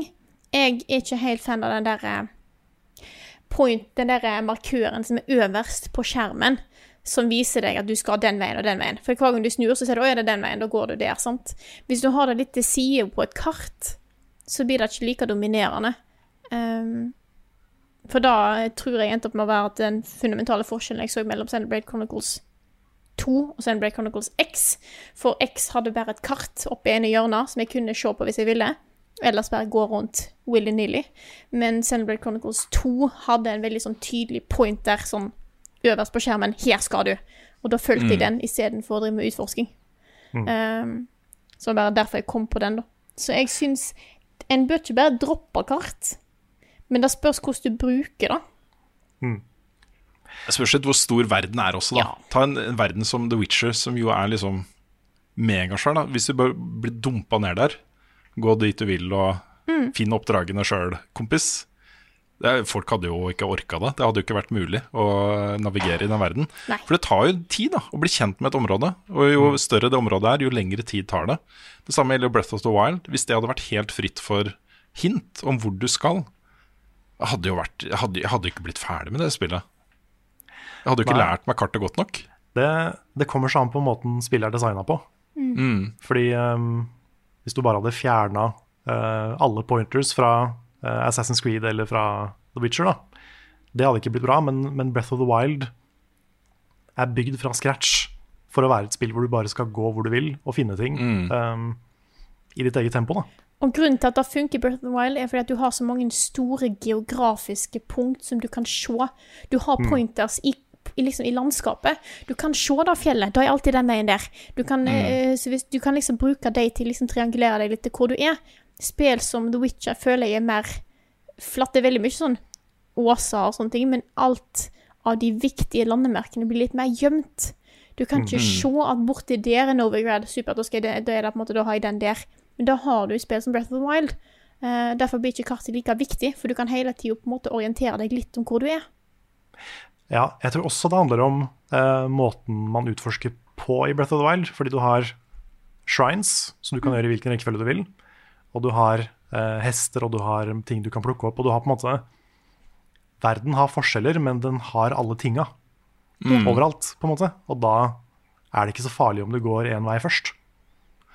Ja, så er det også sånn at I eh, Breath of the Wild så fylles jo kartet ut etter at du har oppdaga ting. Ja. Altså Du må finne shrinesa. De står ikke på noe kart. Det er ikke et spørsmålstegn Som er kanskje her borte er det et eller annet. Kan du gå hit og sjekke det, liksom? Mm. Men uh, det dukker opp, da. Når du har funnet det, så står det et symbol på kartet. Mm. Ja. Det er en, kanskje en slags altså, mellomløsning, eller et kompromiss mellom de som ikke vil ha kart og HUDs og sånne ting, og de som uh, vil ha det. Ja, jeg jeg syns det er den perfekte måten å gjøre det på. Fordi Mm. eh, da mister du ikke den utforskingsgleden. da. Fordi én, jeg har spilt, eh, spilt så mye Final Fantasy 7 nå, så jeg tenker mye på de gamle Final Fantasy-spillene. Og de hadde liksom, de hadde world maps, men de hadde ikke pointers. Nei. Uh, og da kunne du på en måte bare Når du fikk airship, var liksom alltid et høydepunkt. da, For da kunne du bare fly rundt i hele verden og bare finne ting. Mm. Og det var kjempegøy. Uh, og den følelsen får jeg ikke lenger, fordi det er så mye, mye pointers overalt. Mm. Jeg har, eh, jeg har tenkt på eh, egentlig hele tiden mens jeg har spilt uh, Odyssey etter uh, streamen, at jeg har litt lyst til å skru på adventure mode, altså. Og det er rett og slett fordi jeg tror, uh, i og med at dette foregår på øyer mye, det er ikke bare på øyer, har jeg fått med, men det er mange øyer da, du skal innom, så er jo det tross alt ganske begrensa områder, da. Uh, og på kartet så står det stedsnavn fortsatt. Og så man vil jo kunne navigere basert på stedsnavn og sånne ting. Eh, Det kan hende at det hadde gitt en bedre opplevelse, altså. Jeg vet ikke. tror jeg spilte på Adventure Mode. Fordi det er? Adventure Guided, ikke sant? Mm. Stemmer. Ja, da spilte jeg på Adventure. Mm. Nei, kanskje. Kanskje. Yes, har vi spørsmål til? Har du sett noe, Carl? Jeg, eh, dere tok egentlig det, det jeg hadde tenkt å ta, så jeg har ikke forberedt noe akkurat nå. Nei? Har du et til, Rune? Ja, jeg har ehm, Skal vi se. Eh, jeg kan ta et par eh, litt sånn kjappe, da. Mm -hmm. som er til meg, siden jeg noterer meg som regel det. Et fra Ben Hansen, som, som spør. ehm, det er mulig jeg bare har mistet det, men hva er ditt forhold til Neo The Surge-serien? Rune. Jeg vet du er veldig glad i Dark Souls, Bloodborne og Sekro, men jeg har ikke hørt deg snakke om disse. Jeg har prøvd disse, men mitt Altså, jeg, jeg tror kanskje at jeg liker FromSoft bedre enn sjangeren. Fordi jeg syns de er Altså, alle de tingene jeg har spilt som er inspirert direkte av disse spillene, har ikke vært like gode. Og da blir jeg sånn øh, det, Da har jeg ikke så lyst til å spille dem. Jeg, jeg er ikke engasjert nok i disse spillene til at jeg gidder å liksom pløye meg gjennom hele, da. Så, så det har jeg ikke. Nei. Eh, og så et eh, kjapt spørsmål også fra Darkstar91, um, som lurer på om Dark Souls eh, 3-serien vår kommer på YouTube noen gang. Det har vi svart på mange andre steder, så tenkte jeg å gjøre det her også. Ja, det gjør det. Jeg tar vare på opptakene. eh, men så tenker jeg at vi kanskje drøyer det litt. Kanskje til sommeren eller et annet uh, tidspunkt hvor, det er, uh, hvor en sånn serie hadde gjort seg bra. da Uh, Og gir det ut i kanskje ned, litt sånn nedredigerte versjoner. Det er kult. Mm. Litt, sånn, litt sånn Soulmates på etterskudd. Ja, for det ble jo plutselig Soulmates. Det skulle jo bare være jeg som eh, spiller et spill for å kose meg. Mhm. Og så dukka liksom uh, Svendsen opp, og du opp, og plutselig så var dere inne i spillet, og vi dælja bosser og, og sånn sammen. Ja da. Så det ble jo Soulmates. Gjorde det. Mm. Jeg fant et spørsmål her, da. Ja. Det er fra Tage Edvard Johansen. I disse tider har jeg forsøkt å lage, lage meg nye matretter, og jeg minnes at Carl har snakka varmt om en søtpotettaco som er veldig god. Jeg lurte på hvordan denne tilberedes, og den er jo til både Frida og meg. Mhm, mhm. Fordi det var eh, Var det du som fant oppskriften, Frida? Det var ei venninne av meg som uh, viste meg den. Så Ok. viste jeg den til deg. Ja, uh, og revolusjonerte hele matlivet ditt. Ja, den gjorde det, altså. Ja. Fordi nå spiser jeg mer søtpotettaco med kjæresten enn jeg spiser vanlig taco. Mhm. Så eh, den er dritgod. Men det du gjør, er at du tar en søtpotet, en svær en. Det holder ofte med én hvis du bare er eh, en eller to personer. Og så, hvis ikke du er veldig sulten, da kan du ta mer enn én. Men eh, du kutter opp den i små terninger, og så strør over litt tak og krydder. Og liksom virkelig bare knar det inn i disse terningene, og så steker du dem. Jeg husker ikke nøyaktig hvor lenge. Til de er bakt. Altså, Ja, de ser digge ut. Ja, Til de ser ja, digge ut. Til det er gjennom eh, mjukt. Ja. 20 minutter, ish, sikkert. Ja, rundt der. Så kan du kjøre litt varm luft på slutten. Mm. Så det så blir det crispy og, bra. Eh, og så um, bruker du det istedenfor kjøttdeig. Og så ellers er det vanlig taco. Ja. It's damn good. Jeg har lyst til å teste den der, altså. Ja, det må du gjøre. Ja, det Altså. må du gjøre. Mm. Jeg har òg et spørsmål som jeg gjerne vil ta. Ja. Her står det til, eh, altså, til Nick og Frida, men jeg skal prøve meg, jeg òg. anime på Netflix. Jeg har nettopp sett ferdig Death Note, mesterverk. Hva bør jeg se next som, kan, måle- som kan måle seg med Death Note? Har ikke noe forhold til anime fra før, en, annet enn Evangelion, etter anbefaling fra dere. Jeg vil si at når du har eh, sett eh, Death Note og Evangelion, så kan jeg kaste egentlig hva som helst på deg. Eh, for da har du på en måte Da er du in it. Så jeg har et par ting eh, til òg flere, for det hender at dette her kommer opp innimellom, så derfor tar jeg det. Hvis du liker Death Note, så kan det være at Code Geass er nok for deg. To sesonger. Den er ganske innvikla action. Eh, altså action-anime med litt sånn der plot twist innimellom, som gjør at han blir på en måte litt sånn clever. På en måte i samme stil som Death Note, men ikke helt, fordi Death Note er helt noe annet. Mm. Kanskje jeg prøvde å se den. Um, mm -hmm.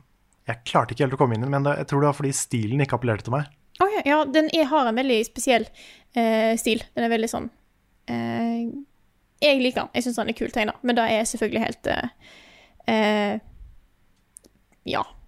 Eh, hva en sjøl syns. Ellers så er jo sesong én av One Punch Man på Netflix. Eh, sesong én og sesong to er jo lagd av to ulike eh, animasjonsfirma. Syns sesong én er vesentlig bedre, så se den. Den er kul. Eh, så kan jeg ikke ikke anbefale min favoritt-anime of all time, Full Metal Alchemist Brotherhood. Begge versjonene fins på Netflix. Den første, Full Metal Alchemist, er ikke første del. Eh, det er første gangen eh, dette animasjonsfirmaet prøvde seg på en på en, liksom en å lage denne serien her. Eh, den er god, men den lagdes før serien var ferdig skrevet, som betyr at den tar en annen vending på slutten. En veldig Eh, anvending.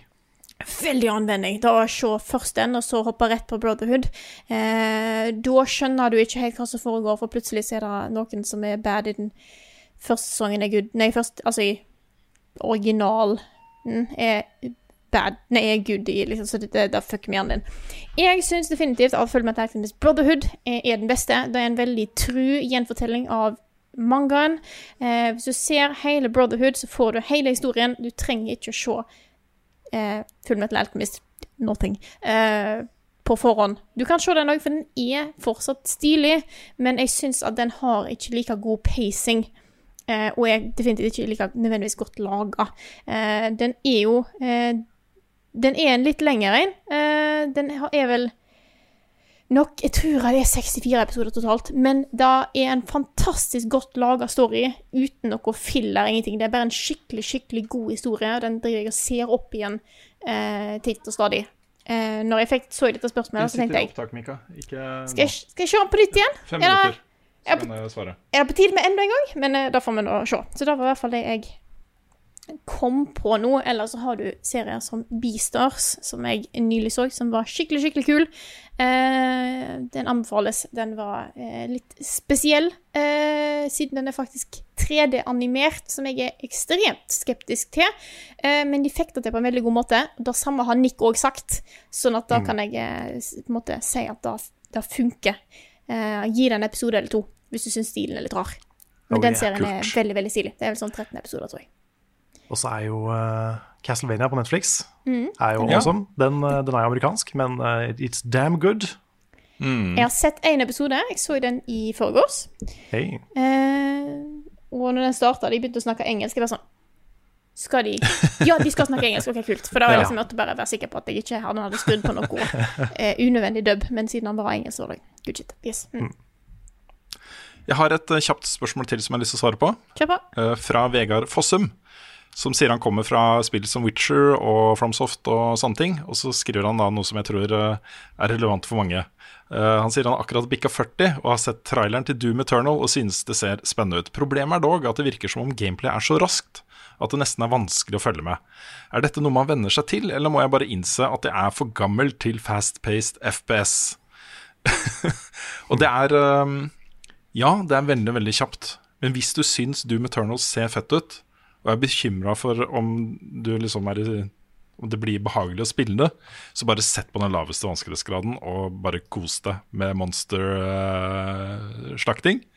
Fordi uh, det, det får du til. Har du fått til FromSoft og The Witcher, så får du til å fise gjennom eh, Doom Eternal på de lavere vanskelighetsgradene også, minimum. Så eh, jeg tror ikke det er noe å være bekymra for i det hele tatt. Og det er heftig, altså. Det er ordentlig, ordentlig heftig. Um, Men jeg har også erfart at hvis jeg spiller på for høy vanskelighetsgrad, så blir jeg veldig stressa. Altså, det er ikke det at jeg ikke får det til, men jeg blir stressa, og jeg dør en del. Og det blir litt sånn tyngre, da. Den derre flyten som disse spillene er så sjukt gode på. At du kommer inn i et område og bare ta den fienden og den fienden, og så bort dit, og så hile litt, og så ta litt eh, ammo derfra, og så bare pang, pang, pang. Så er det gjennom. Alt ligger der som sånne jibs overalt i hele rommet. Det er det, det, er det som er fett da, i dette spillet her. Uh, så hvis uh, de høyere vanskelighetsgradene ikke gir deg den følelsen, så skru den ned. er mitt uh, tips. Skal vi Skal vi si at dette var ditt? Ja, nå er jeg gærne, ikke gærne, De er ikke gærne, de ungene mine, men de er veldig opptatt av å få kontakt med pappaen sin. Så det er greit å runde av her, tror jeg. Dette her visste du sikkert, men dette er det du har hørt på nå, er Level Backup. Dette er en spillpodkast utgitt av moderne media. Låten i introen og outroen er skrevet av Ole Sønnik Larsen og arrangert og framført av Kyoshu Orkestra. Vignettene er lagd av fantastiske Martin Herfjord. Du finner mye mer innhold fra oss på youtube.com slash levelupnord og twitch.tv slash levelupnord. Og hvis du vil være med på å sørge for at vi kan lage mye mer innhold eh, i tida som kommer, så er det bare til å gå inn på patron.com slash levelupnorge eh, og bidra med det beløpet du eh, ønsker slash har muligheten til. Eh, det setter vi ekstremt stor pris på. Eh, så vil bare si nok en gang tusen takk til alle som støtter oss på Patron. Eh, tusen takk til alle som bidrar, og takk til alle som har hørt på. Og så snakkes vi igjen neste uke.